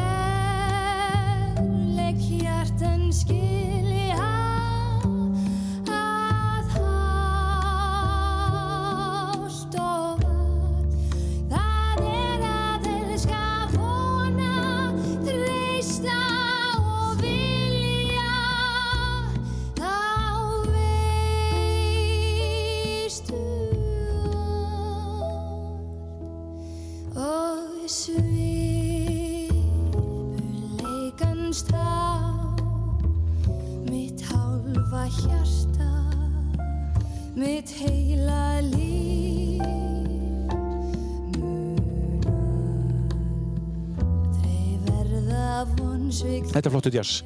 Uh, tekið úr hljómskálunum með lagi heiti Hjarta mitt, Tómas R. Einarsson og stelpa sem heitir Arna Margrét, óþektur, uh, þú veist, um, óþekkt söngkona en gríðalega flott og það er gróska í þessari tónlist. Hérna er eh, Tómas R. bara í skýrtunni sinni gríðalega flottur og, og Eithor Gunnarsson uh, sem spilar á, á, á piano. Eithor er alveg ótrúlegur og bara maður heyrir einhvern veginn, maður heyrir vanda tónlist ykkur að flutta og, og sér ekki það sé ekki, Já. það sér maður og, Það er bara vatnið. Fáum okkur vatn bara. Já. Hér er ekkert klift, sko. Það er bara allt leift að fyrir loftið. Já. Það maður þarf að fara í síman eða maður þarf að fara í hérna, uh, hvernig sem er. En uh, já, við erum að tala um uh, Tómas R. og Örnum Margrit og, og Eithor Gunnarsson sem er mikill fagmaður á píanónu. Svona setur Eithor Ingi, Já. eins og þú. Já, Þið eru nokkrir Eithorar Ingar í, í tónlistinni. já, Þess vegna þarf ég að skilgreina sko, Eithor Ingi Jónsson og eftir af því að Eithor Ingi hinni Eithor Ingi ætla líka að koma. Sko já. Ég, það er hvað þetta að kalla hann Eithor Yngri eða Eithor Ungi. Já, Eithor Yngri um mitt. Við hittust oft, eða oft við vinnum stundum saman við nafni og, Já, og það er ymsa sögur af miskilningi út af já erstu með einhverja eina? Já, ég sem- get nú sagt til dæmis ég er hérna e, ákveðin söngkona hringdi í mig og, og hérna ég var einhverju kóraðingu eða staðar og bara, Það má ekki segja hver hún er. Nei, Nei, ég- skulum ekki segja það. Hún, hún, sa- hún kynnti sig og ég sagði blessaði þú, ég heiti Selma Björnstóttir nei, já, ég ætla ekki að segja hvað þetta var. Og, og hérna, spjallaði lengi og bara vorulega hress og bara, ég er bara hérna, að setja upp söngleik og sko, hvort að þú sé ekki til að bara vera með. Mm. ég bara, ég? Já, Já, og svona þetta að selja með hugmyndir og ég bara ha, já, já, ég er alveg klár. já, ég er eitthvað Ég skal syngja.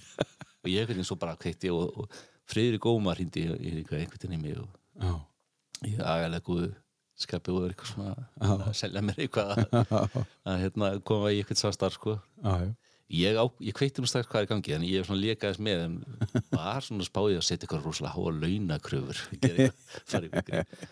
En þá er ég sem sagt ég held að, held að Selma hefði fengið númeri mitt hjá Friðrik Ómar, hann var með Já, með tvo. tvo. Já, mitt akkurat örgulega bara Íþór Ingi sko. Já, bara Eithor Ingi örgla þetta er skemmtilegt. Þetta er skemmtilegt. Um, Hjarta mitt hétt þetta lag með Tómasi R. Einarsinni Já. um, ég misti röddin yfir þessu Já, þetta var svo fallið bara fór röddin.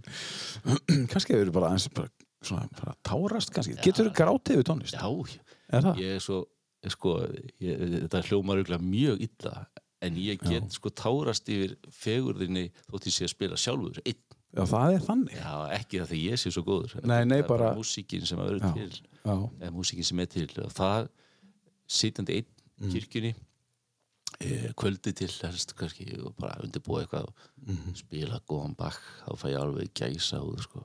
það sem ég er að meina er að þetta er þetta er notað sko, sem einhvers konar róandi tæki í dag að spila á eða hvað, og þú fær borga fyrir að gera þetta. Það er pínu ósengjant en það er, nei, nei, það er ekkert ósengjant en, en, en hérna, það er bara gaman.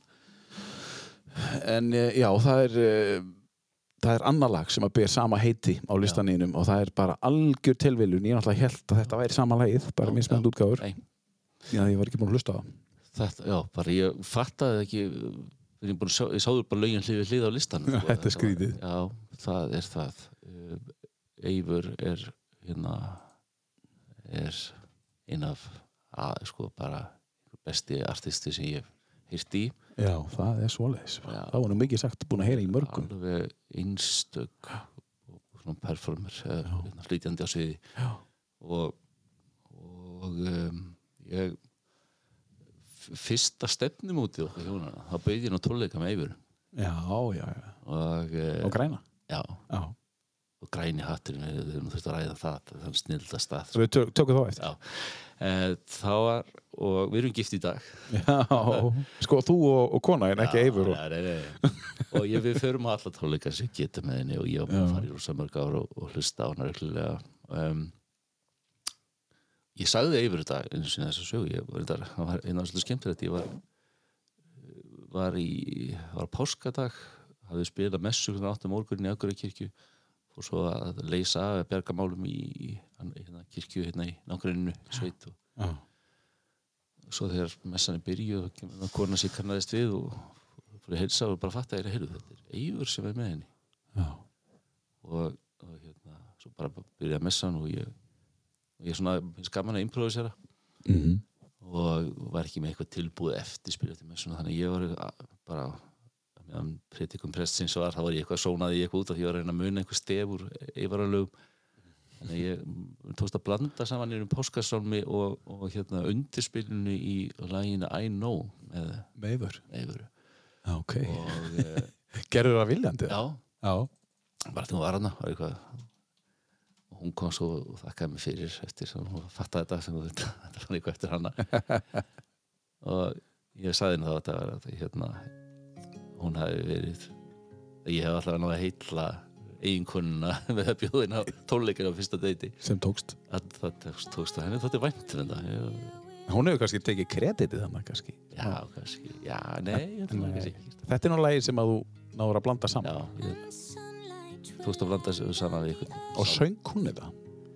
Þarna, nei, Nei, hún var bara í orgel, já, já, Já, hún vissi ekkert af þessu sko. ég vildi bara hýðra hana með og þakka henni fyrir með þessu. Hvernig er það bara að gera þetta bara, þú veist, óæft? Það er nú einhverja reynslu á orgerið til já, þess að... já, já uh, en þetta er hvernig ég passa mig, uh, sko, það er mikið hætta að staðna í þessu starfi Já. ég nota spunan og svona, svona aðferð að blanda saman lögum sem uh, svona verkvæði til þess að halda mér á tánum Já, já, já, já, já, já. Þetta er fallið lag, hún er uh, mikill artisti. Við ætlum að heyra hins vegar næst lag eða lag sem er á listaninu sem heitir eitthvað allt annað en já, þetta. það heitir bara eins og lagið þar undan hjarta mitt Hjarta mitt, já. og hérna er uh, af plötu sem minnum að segja önnur platar hennar Já, og Kró, Krákan, já er- það er um 2001 2012, 2002, 2002, 2002, já. já. og þarna eru íslenski hljófræðleikar Eddi Lár, Pétur Gretarsson og Birgir Bragarsson mm Mhm. og þessi, það lagði líka til á færisku eða þetta er líka á færisku já. Við erum bara nýflutti til Íslands já, allir það ekki Svona að- verða stór. já, einmitt En samt 20 á síðan, ég hugsaði þess. já, einmitt æðist allag Hlustum á þetta hjarta mitt. Þetta er uh, Icelandic version, þetta er íslenska útgáðan, þetta er Eivur.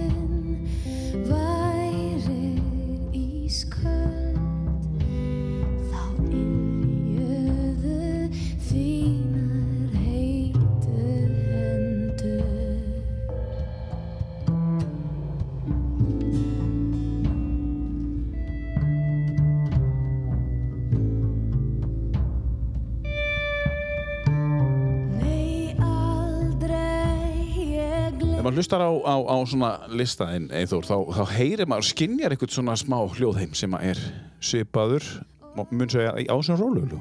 Þetta er svona aðeins svona, þetta er svona einhver mystík í lögunum. Eitthvað eins og þú segir, eitthvað öðruvísi. Þú veist, einhver sem þú er að gera eitthvað pínu Já. öðruvísi. Og, og hérna, þú veist, ef maður- pælir aðeins í því, þú veist, uh, Uh, þetta, er, þetta er aðeins öðruvísi lag frá Múkisson þetta er öðruvísi Blood Harmony Já. þú veist uh, Thomas, uh, nei hérna já, við erum eftir að koma að þessu hérna. Leilo, þetta lag það er einhver svona þú veist, ef þú myndir spila ef þú myndir spila bara listanars þá myndir þú bara örgulega skinja svona, já hann er þarna, já. Já, það er einhver lína þarna. Og það var sko, þú veist, í síðasta niðurskurðum á listanum og, og, og, sko það er að nefna þannig svona listamenn á sviði er og ADHD sem er alveg já, einstakt fyrirbæri sko, Er það? ADHD, bara ótrúlega ná þeir að halda alveg einbytningu alveg. Minni einbendingar Já. ég veit ekki hvað er í gangi á þeim skilur, þeir gera ég, bara. ég, það er bara þannig sko. Þeir eru stórkostlega sig Já, já. fór á tónleika græna í, í haust og bara algjörlega meiri áttar og, og þú veist ég var með vikingheiðar Já. framúskarandi já, tónlist. Guðmi góður, já. Og hérna Andri Gilva ég var með hann já. já, já, Andrur Gilva, já, þú varst með 27 lög. Já, uh, uh, og, og njörfæriðin í tíu, þetta er náttúrulega óþólandi að, að fá þetta verkefni, sko, þetta er náttúrulega bara á ekki að þurfa að gera þetta. En, en, en sko, þú gæti verið með fleiri lög, þú veist og, Já, og, já. og hérna. Hérna erum við að tala um ADHD já. Og eru þeir jazzband eða? Ja, já, ég byrja svona að segja að þeir séu þar sko. En, eh, en ég er þeir líka svona falla ekki einhvern veginn alveg inn í einhverja stefnu. En e- við, við erum að tala um jazz. Það er rosalega mikið improvisjón. Þú bara byrjar bara, Já, þú giggar bara já. og svo allt í henni bara 20 mítur setna er bara eitthvað lagbúi sem er búin að búa til. Já, er og við erum aldrei gert aftur. Það Nei, aldrei gert þér skemmtilegt sko. aldrei gert það þér en segðu mér, eh, tölum aðeins um græna hattin já, Eh, þú fyrir mikið á tónleika. Hversu mikilvægt er að fyrir bæinn Akureyri að hafa til dæmis stað eins og græna hattin hversu mikilvægt myndur þú segja að væri bara fyrir mann eins og tónlistafólku að, að, veist, þetta, þegar þetta var ekki til hvað gerðu við þá? ég, sko ég ég myndi segja að græni hatturinn sé eitt af þessum mik, eitthvað, mikilvægasta fyrir mig eða eina af stóru ástæðanum fyrir bí, bíóakureyri það er bara er, uh, ég veit að býja við æðislega sko, bara við æðislega vinnustað og, og, og að vinna með æðislegu fólki. Og svo eru þetta öll lífsins gæði á Akureyri og hérna sumt er bara æðislegt og í þeim hópi er græni hatturinn. Er það er mikilvægasta menningastóttin á Akureyri fyrir mig. Já. Já, líka fyrir 200 manns uh, að fyrsta á lögadag já, þú veist þú mikið að gera fjögur 500 manns á viku. Stundum þetta með ykkur að fymta fyrsta já. Græni hatturinn ætti að vera bara að fá árlegan styrk frá Akureyrarbæ til þess að halda þessu gangandi. það er bara svo, einn af þessum mikilvægur já, svo bara frábært uh, svona attitude hérna, hjá, hjá Hauki. Já, blanda bara fá hérna, leipa góðum listamönnum þekktum gefa öðrum tækifæri hérna, heima, heimamönnum. Einmitt. Það er bara opnað, eða út með eitthvað bara, bara staðurinn er eitthvað, það er eitthvað svo útrúlega fallega ára Það vilja allir spila þarna. Allir stærstu, öll stærstu nöfni vilja spila þarna. Vilja koma. já, Þó þetta sé bara 200 mann stað Já. Þú veist. 170 þétt setið ég skil stundum ekki hvað menn er að gera sko, koma hérna, búin að leiða sér rútu leiða sér búnað og koma þú veist, norður með allt drasli sitt og, og, spila einu sinni við 200 manns, hvað er það? Þú- þegar- þú ert búin hefur búin að reikna þetta út. Já, þú veist, bara, hvað, þú veist, af hverju þið ferði í þennan mínus? En hérna Er þetta ekki bara eins og með, með það sem þú ert að fara að gera núna 1. apríl næstkomandi, þú veist, þetta er gert já, til þess að koma einhverju út já, frekar en að reyna að hagnast á því þú ert að skila einhverju og svo getur þú gert eitthvað annað. Já, já. skilar einhverju frá þér. En, það, en þetta er langt ferðara fyrir þá sem búa á Já, höfuborgarsvæðinu já. og vetildir kannski það er bara þetta aðdáttarafl sem þessi staður hefur. Já, ímyndað þér, þú veist að þú kannski kom út á nulli Já. bara til þess að halda gig já. en það er bara eitthvað við að koma. Átt fyrir bensínin og það er einhvern veginn- þannig. Já, og það er eina ástæðan fyrir kaupi helst það sem Já. blöður Já, Já. já, þær eru seldar átt í dýrán já. Já. Þú fer bara strax til hæri, borga meðan ætla að fá henni blötu já, ég hef kaupa Jafn- ofta leiðin tvær. sko. það er bara þótt að sé eitthvað sem ég hef ekki hey, hlusta á. Nei, sko, já, ekki að leiðin út er búin að heyra. Nei. Nei. að Ja, þetta er bara, þetta er styrkur hefur, já, svolítið mikið. Já, já, og svo fer að hlustar heima og tekur út hérna, innlegið og, og nýtur bara næsta klukkutíma. Já. uh, hlustar er mikið svona einn með sjálfu er þannig? Þú veist, eh, eins og ég sagði í byrjun uh, þú hlustar minna á tónlist en það sem ég held að þú gerir. Já, já, en, en, en, sko, en sko þegar þú hlustar já. Ég, og grúskar. Já, ég, ég ger það oft. Já, já, um, og það svona hluta og, og, og það er bara sko, geisladiskurinn vona að ég degi ekki það er oft svo, svo mikið af góðum upplýsingum. Einmitt. og mér finnst bara annað að taka bæklingu út og lesa hann. En að fara að googla. Já, já ég get ekki útskýrt hvað það er það Ég, það er bara, þú ert á netinu og þú tónar að skoða eitthvað annað þetta er verið að tröfla þig Já, og líka það sem er á, í bæklingnum í diskunum, það er það sem listaðamaður vill að koma fram um, um, um hérna, flutningin Mhm. en svo getur þú farið ykkur í Wiki- Wikipedia síðu eða eitthvað mm sem að, veit, veist ekki hvað skrifaði og, Nei, nei, alltaf sé ekki líka bara svipað eins og lest bók eða lest bók á netinu. Þetta er svona svipað, þú ert með bók með þetta í já. með eitthvað áþræðanlegt og það er átti hérna svolítið skemmtilegt samtali sem við Alla Örvarsson um, um líka e, bara munin að spila á gömlu analóg hljóðfærin Mhm. að spila á alvöru rótspiano Já, eða að spila á sko digital sem hljóma nákvæmlega eins. Já. bara búa að kó- kópera hérna, það er bara samt ekki að sama. Er, og við veitum ekki hvað það er. Það er bara Nei. eitthvað. Já, þú vilt hafa þetta eh, gamla Já. svolítið, já. það er bara önnur tilfinning sem gera verkum að vonandi spila betur. En ertu svona klassískur í hugsun og kannski í háttum? Þú ert að leia elsta húsið á Akureyri sem þú eigðir svolítið mörgum stundum og það eru gamli hlutir og fílar að þetta, þú veist, og þetta gamla stöff og heldur þú svolítið í það? Já það, sennilega er það nú þannig. Já, Ég- eitt af mínum uppáhalds hljóðfærum er sko harmoni morgur, fótstíð ég á nokkur og hérna eitt sem ég, ég flutti heim frá Svíþjóð og tók með mér það er, ég spila ég held að það sé á ykkur 5-6 plötum. Já, já, og það er 100 eitthvað ára gamalt. Já. það er bara tilfinningin við að sitja við hljóðfæri sem aðrir hafa Já. nota það er svo ég spilaði eins og hljóðfæri sem að er uh, píborgar sem er frá 1400 og já. 17 minnum Vá.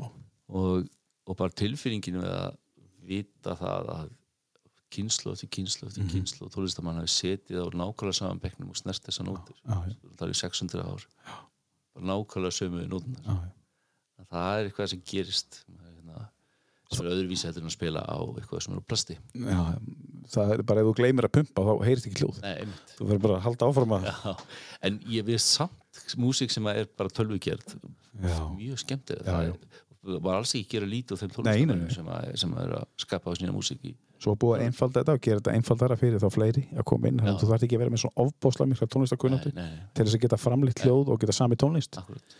Þannig að þá gerir þetta aðeins að því að það eru margir sem að hafa hugsunina að semja góða tónlist og kunna það Mhm. en þeir kunna bara ekki að nei. þá lítur að vera ógeðslega vond tilfinning já.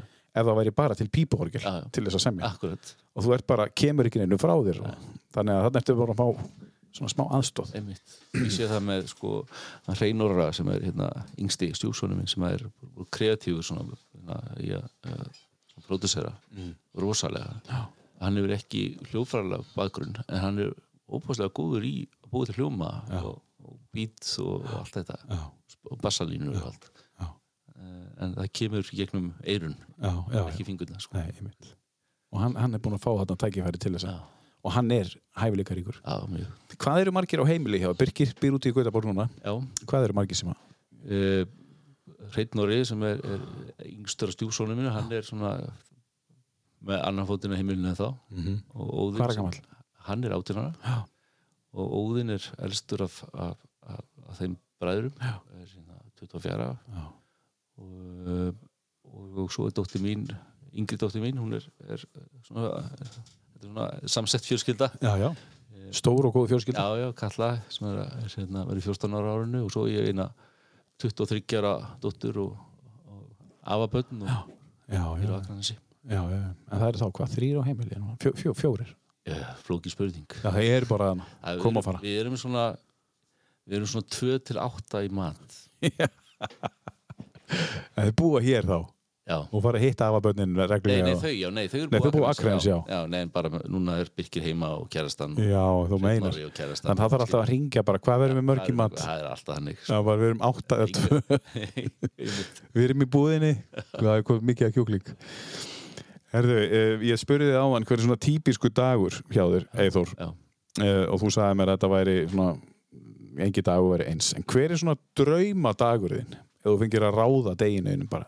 Ég vil hafa hann svona já, og hann verður svona alltaf. Já þá reiknaði ég með að sé svona kannski út frá tólistinni Mm. annars verður ég að lýsa tveimundum hann er ljósmyndadagurinn eh, það er hann er þannig ég geti byrjað morgun að æfa mig á píporgel já, það myndi döga með þrý tímar eitthvað. Já, líður rosa vel, ég er búin að æfa mig. Ekki skrokkun heldur mér þetta er, það, þetta er líkalegt svolítið þetta gerir það?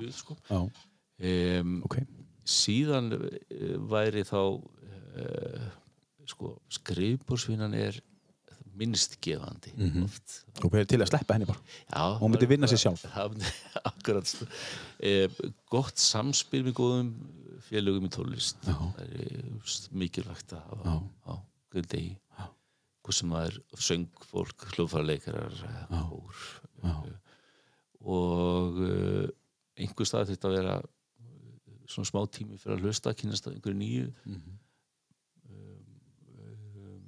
er það úti að lappa eða bara er það, er það, er það heima eða er það nýri lagstafshúsi eða Já, sko, ég hlusta helst ekki á tónlist lengur því ég er út að labba. nei, Ég gerði það, það var alltaf með tónlist í eyrunum já, og svo bara fatt að ég þyrsti þetta kvíld. já, já, Og, en ég samt fekk oft bestu veginn með Já. að hérna, vera að ganga í vinnuna með já, uh, hlusta á eitthvað. já, En ég samt svona tók ákvörðin að hætta í að gefa eyrunum hérna, smá frí. Mhm. Já, en þannig að sam, að samspil ég, ein, ég er nú einfari svolítið bara í eðli mínu sko. já, Eh, þannig þarf svolítið á því að halda Já. og svona einhver, einhver smá hlustun eða svona hugmynda að vinna já það er svona fullkomindagur það er ekki gott að vera bullandi sósíal og vera tónlistamæður þú þarft að vera held ég svolítið bara Já, allavega tónlistamæður sem ég er sko. já, við bara fá að vera í friði. Já, en þeir sem eru vinna sko, í stóru hljómsveitum já, e, þá er því svona svolítið gott að vera sósíal sko. já, já, ok. En þú ert nú alveg sósíal, þú ert bara Já, já. einfarið. Þú vilt fá að vera, þú þarft þinn tíma sjálfur. Já, mér líður óbóðslega vel í fámenni eða eiginlega bara allra best Já. í einn. Eða í hjónir einhvers Já, hérna, þess að þess að þess að ljósmyndin er svo gott hobby. Já, við erum þar sko þrýr sem myndum saman. Svona já, já, miðvíkudagsklúpur, fyrir í túra. Já, já, frábært. En mér slíka bara æðislegt að vera einn einhvers staðar upp á fjalli og líkjend og vassbakka og Já, já. að mynda sko. en það er þú og Daniel Starason? Já, og, og Sindri Svan heitir já, Sindri Svan, já, já, sem bjó í London. Já, frábærir náungar. Já, frábært stókur. Herru, við erum að fara að henda okkur í síðasta lægi og það er engin smá bomba. Þetta er af, hva, er þetta ekki fyrsta sólóplatan hans? Hans, eða er þetta ekki fyrsta ekki. platan sem hann gefur út? Sko nú bara þóri ég ekki, ég er bara hreinlega að vera Nei. veikin, ég veit það ekki Nei. uh, Ég, Ég skal taka ábyrðin á því ef það er ok. Þú veist, þannig að það getur vel verið þessi rámt hjá mér en já, sko hann Atli Jórason er uh, kannski sem færri vita, vita margir hann er frábært tónskáld. Já, en hann er óbúðslega góður uh, tónlistarmaður já, einmitt. og fjölhæfur. Og uh, ég hef unnið með honum það er unnið með honum með, ég spilaði hann plötu með honum og, og, plötu sýstur hans Þórildar Öfastóttur Mm Já, jólaplötuna. já, Já. það var óbúðslega skemmtilegt og tónleikari kringu það. Mm. svo hefur hann spilað með himnótíu Já, og þetta lag, ég held endur að himnótíu hafi frumfluttið þetta útsetningu af læginu Húm já, ok. um, það, það er það bara gerist eitthvað ótrúlega magnaði að hann og Chrissy Edelstein eru með mér í hljóðfæraleiknum með himnótíu Er hann kallaði Chris Edelstein?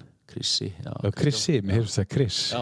Ég held að væri Chrissy Hollywood Chris Edelstein. Já, er, það er hans. já, Já, þú mátt segja honum að ég sé að reyna að ná í raskati á hann því ég vil fá hann hérna í seti. ég, ætla, ég er reyndar að reyna líka ég ætla að reyna að funda með honum á morgun Já, þú mátt alveg segja honum að hérna, ég sé að reyna að ná í hann. já. Já. Eh, hann er, já, sko, allir er svo ótrúlega skapandi eh, Já. live, það er svo góðar hugmyndir og við improviserum saman á þessum jólatólikum Mhm.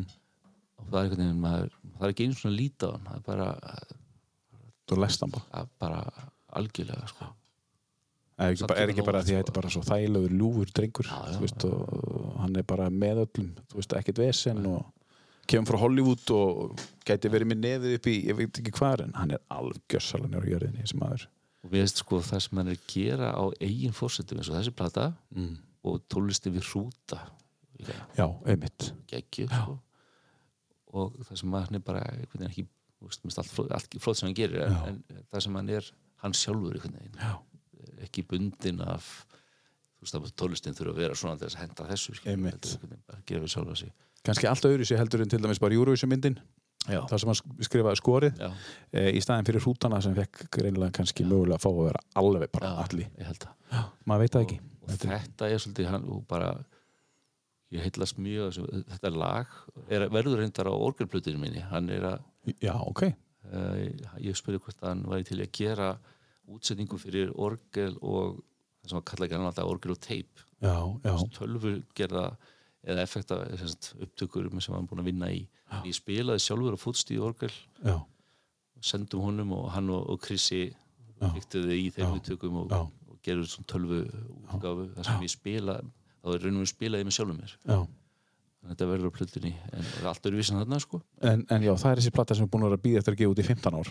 Já, það er á leiðin og hún er á leiðinni en þannig, að- ok, þannig að það má reikna með tónlist eins og þessu og ekki bara klassísku tónlist heldur bara, er þetta þá tónlistin sem að þú elskar?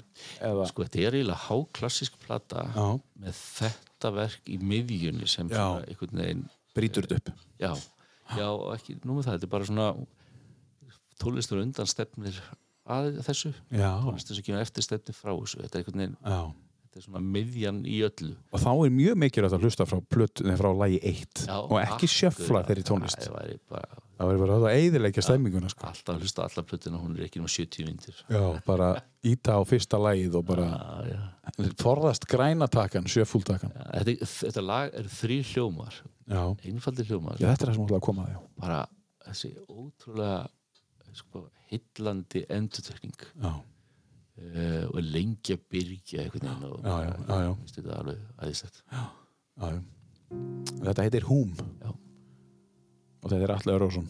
Um, tónskáld uh, tíunda lagi á listanleginum um, Eithor Ingi Jónsson. Búið að vera gaman að hafa þig. Takk fyrir mjög, búið aðeinslega að koma. Frábært að fá þig og bara gangi vel í öllu þínu núna fyrsta apríl með, með, hérna, með himnódíu í uh, mögulega hægt að há miðan og makk við vitum það ekki. Nei, á við erum ekkert að spá í því. Nei. það verður bara gaman. Og svo er það plattaðin sem að kemur út vonandi sem fyrst. Já, já, og þetta verður á þeirri plötu meðlans þetta verður því já. þetta er frábært. Herru, takk fyrir að hlusta á tíu bestu. Kæri hlustandi, takk innilega fyrir að hlusta á tíu bestu